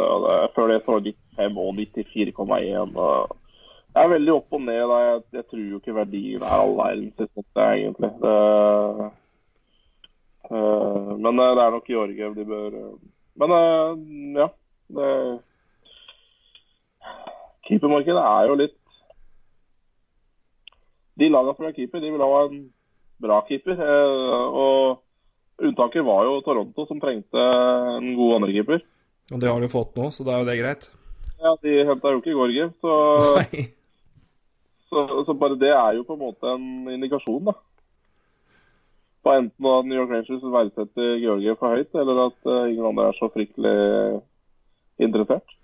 Ja, nei, men så ga jo uh, Kings muligheten uh, til Leafs muligheten Eller Kings ga Leafs muligheten til å få to elementer inn som de kunne trenge, og det ene var jo en andre keeper primært, men Clifford er i hvert fall en ja, bunn seks, bunn ja, fjerderekkespiller som i hvert fall har litt mer trøkk og litt mer power og litt mer grit. Og det Når det nærmer seg sluttspill, så er det kanskje greit å ha en sånn mann inn. Og ja. han er jo god, god spiller på det. Han er jo ikke, han er jo ikke dårlig hockeyspiller heller, så det, sånn sett så er jo det en Det gir en grei mulighet der, og det, da fikk de i hvert fall håndtert to ting. Og det ja. spørs om du hadde fått det i New York, så det og ja, Campbell har jo vært meget ålreit siden han kom, så sånn sett så er jo det en, en keeper som fint kan ta andre rekke, eller andre keeperplassen, og som kan tåle noen kamper hvis han må det, sånn som nå, da, pga. skade på, på Fredrik Andersen. Så det syns det var et godt valg av livs. Og interessant for Kings sin del å få inn en interessant, eh, skikkelig skikkelig firecracker i Trevor Moore. Jeg har likt den jeg har sett den. og to valg som kan bli ikke noe, men det, det, trengs i det laget der nå, så det er helt fint. Ja, det kan bli et andre- og tredjerundevalg, og akkurat nå så er det to tredjerundevalg, så det er jo, eh, det er jo bra pris. Ja da, de fikk ålreit betalt. Det, men igjen, det er også to spillere som, har noe, som er NHL-kapable og som bidrar, da. og det, Da får du deretter, og det er bra. Ja, ja helt klart. Helt klart. Yes. Uh, Even Breine, Breines Elsfjord. Uh, det, virker, det, virker, som det er klart at Bruin skal trade til seg en høyreving til andrerekka si. Hvem tenker dere hadde passa bra der, og hvem ville dere gitt bort? Ja, uh, der har jeg et par navn som jeg søkte opp først her. Det er jo et par spillere på en trade-block som antas å være tilgjengelig. er det noen du tenker der, eller? Kovalchuk. ja, den er ikke dum. Ja, det er jo perfekt. Perfekt. Det er jo uh, liten lønn og uh, målskårer, og det ville vært helt Jeg ville ikke likt å sette, men, uh, men jo da. jeg tror faktisk Kovalchuk hadde vært helt perfekt. enda mer perfekt Men altså, Han er jo en renere målskårer og har jo fått en liten resurgence i Montreal nå, da. Det er jo så det blir spennende der. Jeg, det, det, Josh Anderson altså, syns jeg er spennende. Eh, ja, ja, skada nå, da. Ja, hvis han uh, skal... Det er sånn Skal du Ja. Hvis, hvis han går ut, men igjen, samtidig, i den situasjonen som, uh, som Columbus er nå, trader de vekk noen, for det Good lord, det laget der nå, det, det, det er så imponerende, altså. Ja, og, Elvis Meslikins har jo faen meg Hva er det med den mannen der? Jeg vet ikke. Og sammen med de andre keepere der igjen. Ja, ja. Det er bare. Uh, han der andre Keeven, uh, ja. ja. Uh, det, det, er bare levere. Kivlenieks, ja. Mattis Kivlenieks. Ja. Det er jo latvisk invasjon da, i Columbus. Men jeg, jeg sjekka, jeg sjekka Meslikins, for han var jo dårlig. Han hadde jo ikke noe god start. Skikkelig skuff, skuffende start på sesongen. Han var jo ikke god i det hele tatt. Og så jeg bare søk. Men jeg, så hva som skjedde etter at uh, Corpizalo ble skada. For det var jo en, en, mildt sagt spesiell situasjon. Hvordan, er det Columbus er det de egentlig Hvordan var det de egentlig skal ha mål i overtime? Ja Hvordan var den igjen? Nei, eller Dommerne tar Jo, for de, dommerne det, det går for mye tid av klokka. Det tikker back mer i tid enn det egentlig skal gjøre, og så justeres ja, ikke det av dommerne eller noen der. Og så scorer ja, Columbus mål, og så blir det for seint. Så det teller ikke. Og i shootout så blir Corpizalo skada. Så ikke bare koster det et, et viktig poeng, men det koster altså førstekeeper. Den får Tortorella på den uh, pressekonferansen etterpå over. Det rabla jo helt. Ja, det, men det, det, det, skjønner jeg godt. Men jeg, jeg, så på, jeg så på gameloggen til uh, til, uh, til, Elvis. Skal jeg ta den her? Før, før, det her, da, så er det jo da Han har ja, 82,5, litt over 90, en shutout. Um, 85, 94, 87 Ja, det er liksom opp og ned. Og siste kampen før så sto han ikke på kjempelenge. Da hadde han 75 redningsprosent mot Ottawa. Ja. Så kommer han inn mot Chicago og står i, i shootout og taper den. Siden da og da kutter jeg desimalene. Men da, da, da tar jeg og kun går jeg, jeg, jeg, runder, jeg, runder, ikke opp, jeg runder kun ned, så dere bare skal illustrere hvor høyt det er. 97, 96, 89, 94, 92, 90, uh, shutout, shutout, 94, shutout, 90, 90, shutout, shutout, 90, 93. Ja, det er spinnvilt. Du gikk helt kokos. Kokos heter det. Det er sånn er melodien. Men det, det er, er så sterkt, det. Skal du få en liten annen greie? Siden nyttår, da. Hvis, eh, ja. Siden 31. desember. Ja, for det er da han stå, begynner å stå fullt. Det er helt riktig. 16 kamper, 12 uh, seire, 3 tap. 1,57 mål i mål. 95 Ja. Redning. Det, det er jo Og fem shutouts. På 16 kamper! 1,57. Ja, og bare for, å, bare for, å, legge opp da, på det laget her, som, som allerede har det er flere. ja, Ryan Murray er ute, Josh Anderson er ute, som du sa. Uh, Dean Cookin, Texier er ute, Murray, uh, Vendar og Dubinsky. Og Seth Jones ute. og Cam Atkins er ute. Så, og, men det, altså, Columbus har sluppet inn 139 mål i år, og det er minst av samtlige. Og det er klart, eh, det, men det er, ikke så rart, det. Når Mesliken så stengt uh, buret. Ja, det er helt ellevilt. Det er helt vilt. 90 Jeg bare sier det. 95 siden 31. desember. 1,57 mål imot i snitt. Ja, det er det villeste jeg har sett. Nei, ja, det er godt. Oi, oi, oi. Det er, eh, det er fem slutt, altså. Det er, det er eh, fem av 16 kamper. Skjønner. Ja. Så altså, hvis det her nå virkelig Hvis det nå går Nå er jo halve laget ute med skade, da. Ja. Så hvis det, her, hvis det fortsetter å gå til helvete, da så eller Hvis det fortsetter, det har jo ikke gjort det på noen som helst måte, men hvis det nå går til helvete så er, Ja, Og Josh Anderson er tilbake, så hadde det vært Han er jo perfekt i Boston. eh, I bare ren drittsekk. Men uh, Kovalchuk er interessant. Og en annen spiller som også er på, ute på tur, eh, trolig, men eh, som også linkes til Boston og flere lag, det er eh, Tyler DeFoley. Ja. Bør sjekke kontrakten hans, for eh, han nå er, han nå er UFA, ja. Utgående kontrakt. Ja. Mm. 4 4,6, og der kan jo Kings ete noen kroner, så det er jo sånn sett greit. Så DeFoley eller ja, DeFoley, Josh Anderson eller Kovalchuk er vel da sånn sett interessante der. Hva de har å gi opp, ja, skal vi se. Hva betaler du her, da? Foley er, eh, er litt spennende. Uh, han har på en måte venta Han har jo Han skåra jo 31 mål i 2015, og etter det så har man liksom Når skal Tefoley slå til? Eller når skal kan han gjøre et gjennombrudd? Han gjorde det gjennombrudd da, men når kommer det igjen? Og det har ikke kommet. Ja, Han har, eh, han har noe ved seg, altså. Uh, jeg tror Han trenger rett og slett det er noe der. Det er det. Ja, jeg tror han trenger et, uh, trenger et uh, bytte. Og bare se på Kovacic etter at han også reiste fra Los Angeles. Det er jo en helt annen Ja, ja, jeg tror det Ja. LA nå er en, en sump. Ja, det tror jeg. Det tror jeg. Og ja, jeg så jo det med en gang på Kovacic. Eh, Han ble en helt annen person. Ja. Toffoli har 14 mål på 56 kamper og 30 poeng for Kings. Det er jo eh, Han har nesten Han har, ja, han har skåra mer mål enn han gjorde i hele fjor på 82 kamper og har fire poeng mindre, så han har jo bedre sesong enn han hadde i fjor.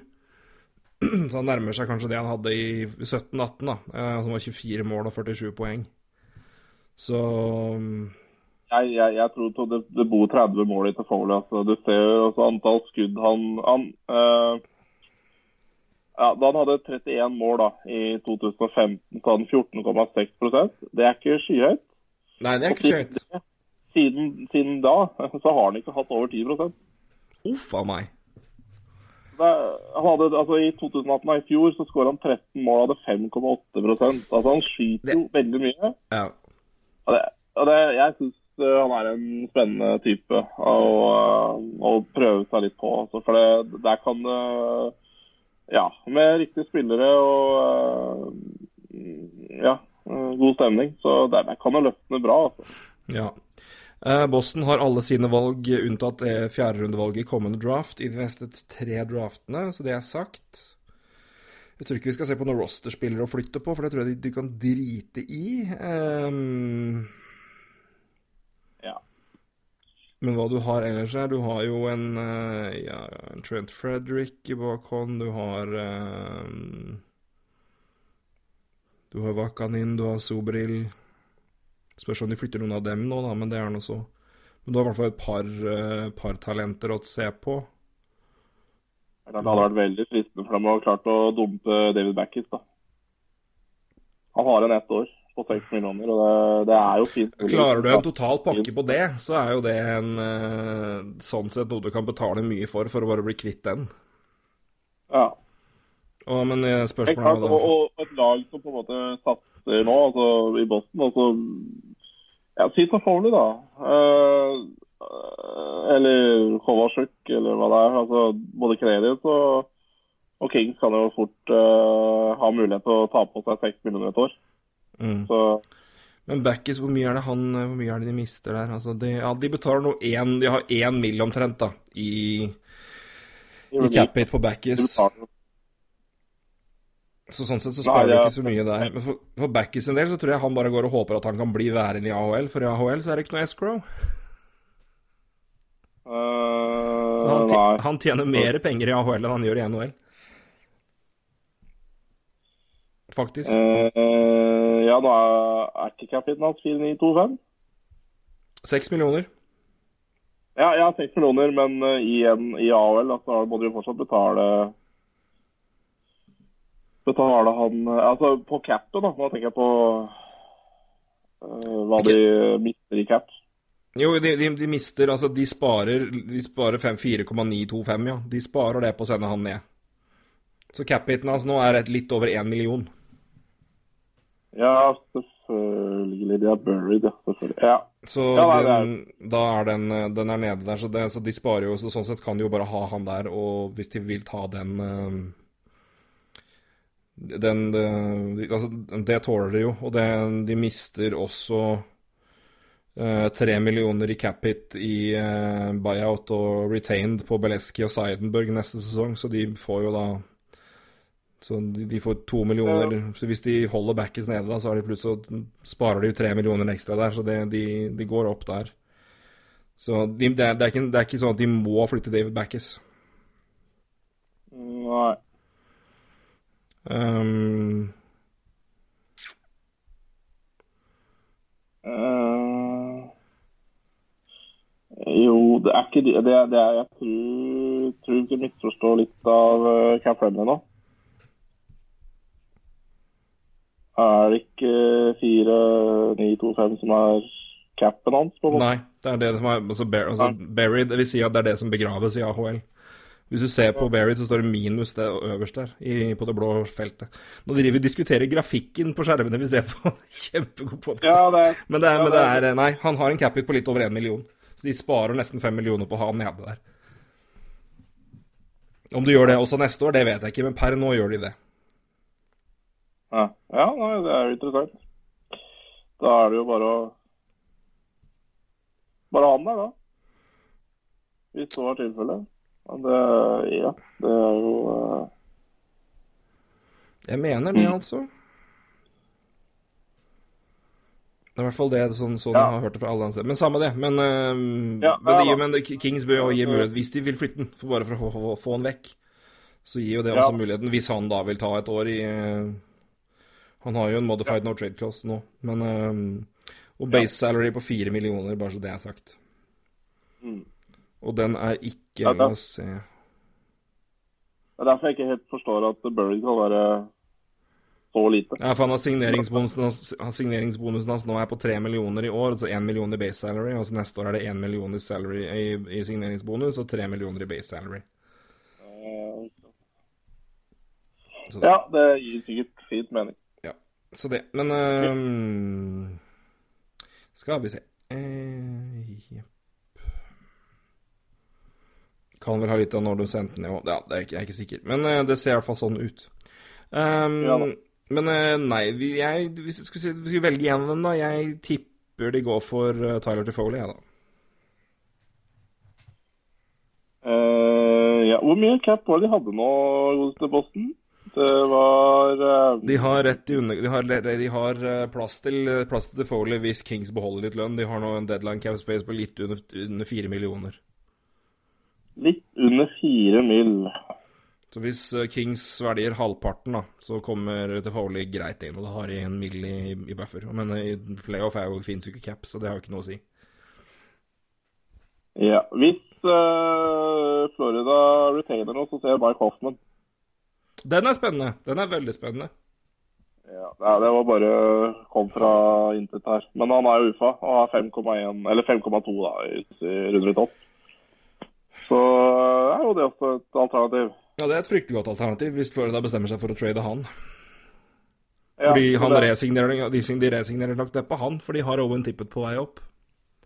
Så han Ja. kommer nok neppe tilbake neste år. Eller det kan være en egen rental vi snakker om, da, med Hoffman. Eh, fordi de er jo med i playoff-racet. Ja, det er det. Det er som det vel om de på en måte Hva vil du ofre nå? Er det det å få laget inn når det faktisk nå er Eller er det det å Altså, hva er mest verdt? Og for Floridas del så tror jeg nesten at det er mest verdt å komme seg til sluttspill. Ja, helt klart. Men eh, så uh, skal vi se De, de ja, ja, det, og er mye, det er mye verdi der. Helt klart. helt klart. Det begynner å Altså akkurat nå, da. Eh, eller forrige kamp, så, så var det topp seks. Huberlo, Barkov, Dananov, Connolly, Trocek og Seaver. Og så tredjerekk med Matrano.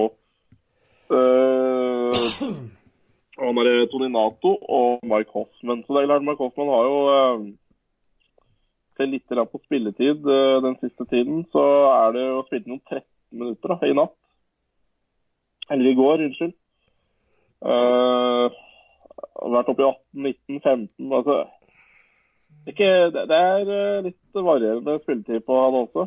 Så, Men det er klart, her har vi jo en fyr som uh, Han er jo på pace for 30 mål, da. Så skulle trade bort han, det er jo Det er risky, det er det det absolutt. er, det, det, det er risky, men herregud, han kan jo gi de veldig mye, da. Fordi det er som du sier, det er jo veldig sannsynlig at han ikke blir. Eh, Så uh, Ja. Det, det, det, den er litt spennende. Det, hele Hoffmann er litt spennende, faktisk. Det er det. Veldig. For uh... Det er mye Florida som er spennende, egentlig, når du ser hva som kan skje der, og hvem som kan, hvem som kan komme hvor. De har jo liksom De har Owen Tippett, de har Henrik Berg, Borgstrøm, som Hva i all verden skjer med han i AHL og i NHL? Det gudene vet. Heponiemi har de, de har Søren Noel. Uh, så det er liksom De har liksom noen interessante offensive prospects og flere å ta av der, og så er det så det, i, det hele tatt er det ganske spennende. Dalanov er jo på utgående kontrakt. Han må kanskje han skal vel ha mer penger enn de fire millionene han har. Så det er liksom Ja, ja. ja. Eh, helt klart. Uh, ja. Nei, det, jeg tror jeg nok heller bør beholde en Dalanov enn uh, en Hoffmann. Ja, det Det er tror jeg litt ikke gammel, men, uh, men det er nok uh, Ja. Det er, det er Det er noe det er noe rart med Hoffmann. Ja, nei, men jeg, det, det er ikke noe dumt tips. Det er en spennende tips. Hvis Florida bestemmer seg for å trade den, så er det kjempegodt tips. Men uh, spørsmålet er om de gjør det, da. Ja, Det nei, det var å se. farfetch, men uh, kunne Nei, frekk, frekk. Veldig frekk. Som uh, Ja. Hva het den? Han uh, helten fra Åpen Post. Ja, dere, dere som er gamle nok, skjønner hvem jeg mener. Han som var veldig glad i fylkeskommunen, da, for å komme med noen hint der. Han som skulle crossklippe ting. Crossklippe dokumentarer er veldig kritisk, da. Alle under 25 nå bare Hæ? Yes. Sånn er referansen når vi nå bikker 30. Um, siste spørsmål fra vår Praha-venn. Kristoffer Skinnes. Ja, ja, ja, han ble stressa i stad, du, jeg sa at jeg skulle- skulle i dag. Og bare Ja, faen, det er onsdag i dag. Da må jeg komme med spørsmål. Ja, da får vi si hva, Bør Caps gjøre noe før eh, trade deadline, da, Kristoffer? Trade deadline. Um, uh, ikke transfer deadline, vi får være såpass vi være. Men mens det er stress, da godtar vi det. Um, bør Caps gjøre noe før, før trade deadline? Har dere tanker om hva de eventuelt kunne gjort som ville ha styrket de til sluttspill? Ja, det er første er jo da å gå og se på capen. Det er god De start. har en deadline capsule på rundt tre millioner, eh, så de har jo litt muligheter sånn sett. Ehm, ja, er det noe egentlig å ta Hva er det som eventuelt er å ta tak i? Er det noe skader å snakke om? Ikke nevneverdig? Ja, men det er vel på kort sikt, er det ikke det? Ja, det er kanskje det. Han er upper body, 15 i andre. Ja Men han skal være med på på, på roadtripen deres nå, så da er ikke Ja, han det tyder på at han i hvert fall er ikke langt unna, i hvert fall. Nei. Nei. Uh, Så da er det liksom Ja, de har, hvis, vi ser det, så er det jo da Jeg vil tippe når han kommer tilbake, så flytter jo hele rekka nedover. Så det er Bekkstrøm Ja, eller Vrana Kuznetsov Oshie på andre rekka, eller ja. Så er det Hagelin, Eller og Panik på tredje rekka, og Boyd, Leipzig og Garn, Garnet Hathaway i fjerde rekka. Uh, Kempney, Carlsson, Orlov, Nick Jensen og Gudas Siegenthaler. Um, ja, en litt ordentlig kruttønne i bunn ni, eller en bedre venstre tredjevekk enn Siegenthaler, kanskje? Hvis jeg skulle gjort noe ja, her? eh, kanskje en, eh, kanskje en eh, billig, billig veteran på som en, som en Beck-forsikring? Forsikring istedenfor Sigenthaler, kanskje. ja. Ja, vi har jo nevnt er Brennan sånn Dillon, blant annet. det var sånn som Michael Kempney var da, når han kom. Ja, det er Kempney og sånt der. Så han, var jo ikke Han hadde jo holdt var ikke, Men han var jo midt, midt i, i 20-åra, skal vi se her. Det er jo noen som er uh, i spill. Uh, Kings har jo Alec Martinez. Vi har jo Brennan Dillon har vi snakka om. Sami Watan er jo også i spill, men han blir kanskje litt dyr. Um, ja, hvilke andre backer er det snakk om her, da? George Manson, men det tviler jeg sterkt på kommer til å skje. Ja. Petrie blir vel nå litt mer viktig, da, men hvis uh, Dylan DeMello er jo faktisk interessant. Ja. Nei, Brendan Dylan, da? Noe sånt. ja. Kanskje. Jeg tror vel kanskje Ja, altså, en, en, en spiller à la det hadde jeg på en måte gått for, hvis jeg skulle, for å få litt forsterkning på back-back-plassen der. Um, men samtidig så vet du hvor viktig den fjerde rekka og alle rekkene var for dem når de vant. Altså, for, altså får du en billig noen med litt Noen type Devante Smith Pelly-ish-spiller inn for en, et, et billig pick, så er jo det også det noe å vurdere. Det trenger jo ikke trenger ikke koste deg så mye cap, spesielt med tanke på at den du henter inn, trolig ikke tjener så veldig mye med den personen du må sende ned. Men da er vi neppe snakk om de spillerne som er mest uh, omtalt på sånn tradebate-sider. Men uh, nei, jeg prioriterte en, en defensiv eh, dybdeforsterkning da i bunn Ja, i tredjeparet. Altså fått en litt mer fresh partner til Radko Godas. Ja, eh, det, det, det er jeg helt enig i. Jeg tror Ja. det er så mye annet. Jeg syns det ser bra ut eh, forover. eh, Men Skal vi se, hva er det de har? Vi har vel noe bra med Ja da, de har, tre, de har to valg i tredje runde og det er vel kanskje sin andre rundevalg, og så de har valg å ta av. og De har to femterundevalg neste år, så ja. De kan betale noen pics, det er ikke noe problem. Og de har som sagt tre millioner i, i deadline cap, så ja, nei, altså det, det er klart det kommer jo ikke til å skje det nå. Men uh, det er eh, Braden Holpy, det er UFA. Så det Nei, de ønsker nok å ha to keepere uh, av det kaliberet de har, da. Samson og Holpy. Men hvis ikke så kunne det sikkert vært uh, interessant for dem å flytte Holpy, men da måtte de ha skaffa seg en litt mer rutine sammen med Samson òg. Men den tror jeg blir for Den tror jeg ikke de orker å begynne på en gang. Vet du hva, jeg tror du har Forresten, unnskyld, nå avbryter jeg, men jeg- du har nok helt rett med David Backes, ja. Ja, det gir ikke mening egentlig at det var eh, så mye. Men, eh, Nei, men det, det var, jeg ble bare fucka av det minustallet som sto foran på Berry der, men det er fordi her har øh, Det kan jo ikke stemme Ja, jeg, jeg er ikke sikker, men det, det ser sånn ut i hvert fall. Ja, for grunnen også er at Hvis jeg går inn i Montreal Canadiens og ser på Carl Olsner, så koster ikke han 1,1 millioner. Eh, for han også står det buried 3550. Uh, men eh, fordi det er cap, ja. Så Men, da, men hvis det er tegnet, så er det brått litt mer aktuelt å prøve å få flytta han også. Hvis du klarer å kombinere det med en trade nå, så er jo det bare bra. Og det, det, det, det trenger du kanskje også gjøre. Men uh, Nei, men caps. Uh, bunn seksbekk på venstre hånd. Det hadde jeg gått for der. Støttes. Jepp. Da tror jeg vi var gjennom, Roy. Dæven. Ja, det tok vel et par timer, det. Ja, det gjorde det. Bokstavelig talt.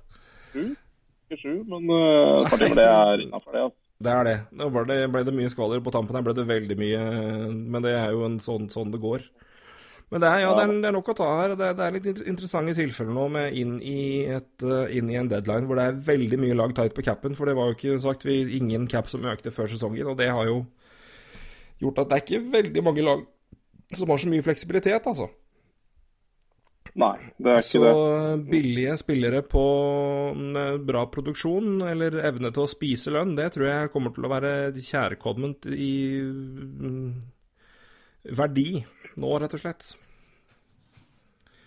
Ja, det er bare for Bergerland å handle nå. ja. Hvis Shea er ute resten av sesongen, så er det jo god stemning. Men det spørsmålet til deg nå, for en spiller jeg syns er meget interessant, er jo Jeff Petrie. Men han har to sesonger, selvfølgelig. Så Ja, en sesong til. Så det er Ja. vanskelig der. Men det er jo en back som har masse verdi, altså. Ja, uhorvelig mye verdi. Men eh, ja, eh, det er klart. eh, Det, og det samme gjelder jo hvis du ser på Thomas Tatar. da. Tatar, ikke minst. Men han har også er det to sesonger. Men det Og som nå har 52 poeng på 58 kamper. Eh, Det er jo Og med 4,8 millioner i cap. Og Men uh, Canadiens, de, altså, det som taler imot at de skal trade Petrie og Tatar, er jo at de Ja, uh, det har ikke gått helt veien i år, men uh, neste sesong så vil de jo prøve å komme seg til sluttspill, og da er det jo viktig å ha Tatar og Jeff Petrie. Det er det absolutt. Så ja, det er nok litt tricky, og jeg tror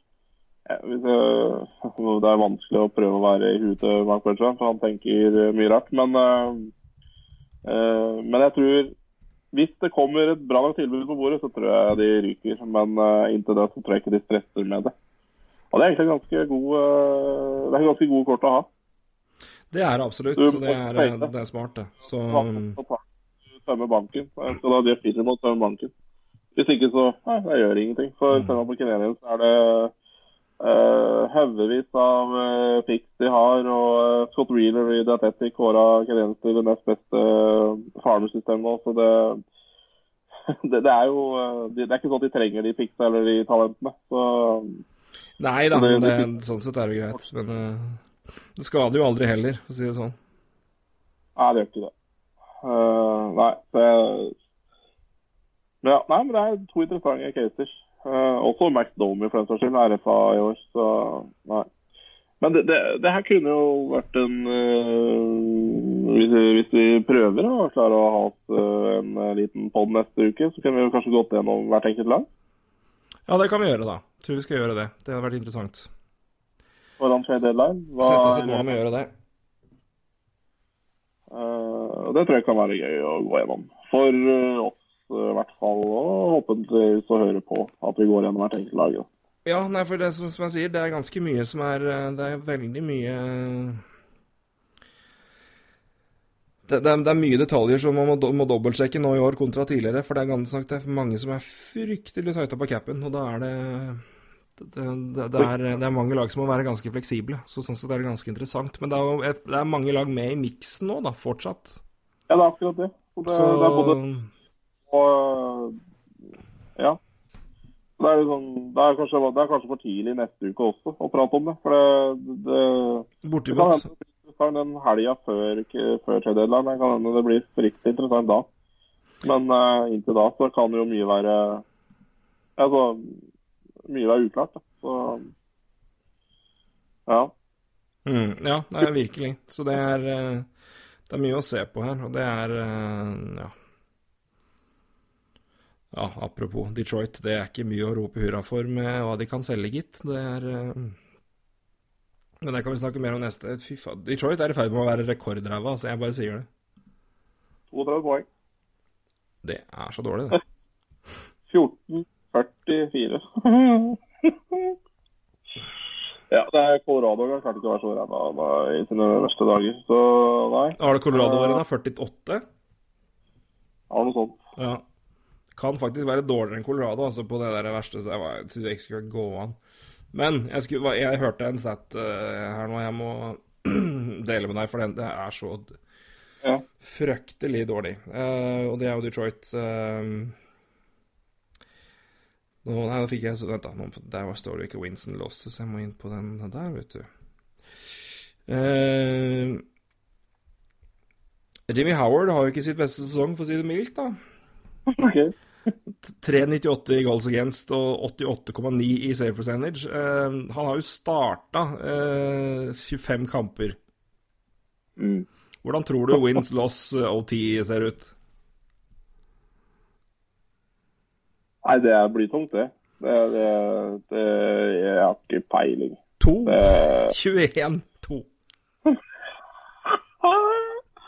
to seire. To seire. Herregud. Da hadde jeg lagt opp. Ja, det er jo så dårlig. Ja, da hadde jeg lagt opp. Men da kan du da se, men, kan du se motsatt uh, vei. Da har du Jonathan Bernier med drittlaget der. Ja. Uh, Han har jo faktisk prestert å gjøre det å være god. Det er jo helt sjokkerende. Ja, så, så Detroit mot Boston i helga. Ja, Herregud, han sto på huet mot uh, Boston. Altså. Bernie har 91 rednings redningsprosent da, mot en hel lag her. 12 seire på, på 33 kamper. Men du 2-21-2. Oh, Det skal ikke gå an, altså. Nei. Det er Nei, det det- rareste jeg har sett. Det er faen meg Og så at du får lov til å starte 25 kamper med nesten fire mål imot i snitt. to seire. To seire. Det får pur faen bare sjekke Når kom de seierne? Hvis det går, det må da gå an å se på gameloggen, gjør ikke det? Jeg kan alltid sjekke fort eh, hvis jeg finner en seier her, men det er jo der, ja. Åh, det er lenge siden. Der kom en seier. 29. oktober, ja. Og 5. oktober. Han har ikke vunnet åpningskampen. Han har ikke vunnet siden november! Han har ikke vunnet siden oktober. siden 1. november. Én, to, tre, fire, fem, seks, sju, åtte, ni, ti, elleve, tolv, 13, 14, 15, 16 sø- 18 kamper på rad uten seier. Ja. 18 kamper, 0 vinn, 16 tap, 82 låter. Fy 4,33 mål i mot i snitt. Dette er da siden 1. november. Å, herregud. Fem mål imot. Altså, det, er, det er- tre kamper her hvor han har redningsprosent over 96 og taper, da. Så det, det er jo to Det er noen kamper her han skulle ha vunnet, men fy faen. Ja, det, det, resten er så ræl at det, det 29. oktober er siste seier. Det er jo, han er jo nå i AHL, da, det kan, kan vi jo si. Det var jo artig kamp han hadde her mot eh, Toronto 27. november, jeg. han eh, 14 skudd imot, ja. Tre mål, uff a meg. 24 Uff a meg. Så det er, det er ikke noe tradebate-kandidat, kan vi si. 14. januar, så sju skudd imot, tre mål i båt. Haffa meg. Nei. Nei. Da er det på tide å legge Nei, opp, altså, eh, Jimmy. 35, 35 år, da er det Da, da, ork, da hadde jeg ikke orka mer etter noe Nei. sånt noe. Uh, uh, Bare gi seg. det er forresten artig stat på Sportsnet-stat nå også, om annen keeper. Vasilevskij er nå 17-0-2 siden ja, sine 19 siste starter. Han har ikke tapt en kamp i 17-0-2. regu- Ja, i regulation siden 14. desember. Ja, det er noen Det er, det, er, det, er litt, det er litt forskjellige ender av skalaen vi har snakka om i dag, på keepersida. ja, El, Elvis, og, Elvis og André, ja. Og så har vi Jimmy som ligger og svømmer i bånn. Og Selok og Dubnik. Ligger og drukner i gjørma. Det er jo Det har vært noen tider vi har snakket om. Faen meg. Eh, nei da. Nei, skal vi uh, Vi får gjøre som Jimmy, vi, får gi oss når leken er god. Ja. Det er ikke leken god, men Nei, men forhåpentligvis har vi ikke sunket helt dit. Ah, du, Med det så tror jeg vi setter strek. Det har vært eh, mye å prate om og mye å dekke over, og vi har vært en, en glede å, å følge og, og snakke litt om igjen. og Det her, eh, det, det, var, det var godt, og det var mye å ta for seg. Og det var som sagt gode spørsmål og mye moro å prate om, så det her var en fryd. Vi skal ta for oss eh, alle lag, om vi da gjør det om én uke eller to uker. Det får vi se litt an, om det løsner litt, om vi ser noe klarere bilde. Men vi skal ta en gjennomgang av det, i hvert fall. Før deadline, som er Er det 1. mars? Oi, er det det? Uh, det blir vel brått, uh, det, vel? Skal vi dobbeltsjekke det her? Det Det er alt ut. Hvis ikke så må det være uka før, og det blir vel for tidlig. Så det er uh, 24. februar. Det er 24. februar, ja, ikke sant? Da var det uka før, ja. Da blir det nok neste uke, tror jeg, Roy. Ja, det er for det er 12. i dag. Ja, Ja, da blir det neste uke, da. Oi, oi, oi. oi. Neste uke. Så får vi se om det skjer litt eh, før det, men da begynner det i hvert fall å Ja, i hvert fall uten Får vi se hvilke lag som enten er realistiske eller velger å satse, men det er jo spennende å se. Men da tar vi en ordentlig gjennomgang av alle lag og ser litt hva som skjer, og forhåpentligvis er det vel og trolig noen trades også, det pleier vel nå å rulle litt på. Men eh, vi får, vi får nå se. Kan ikke folk komme med litt sånn uh, trade-forslag? Gjør det. Det gjorde vi i fjor, det var gøy. Ja, dritartig.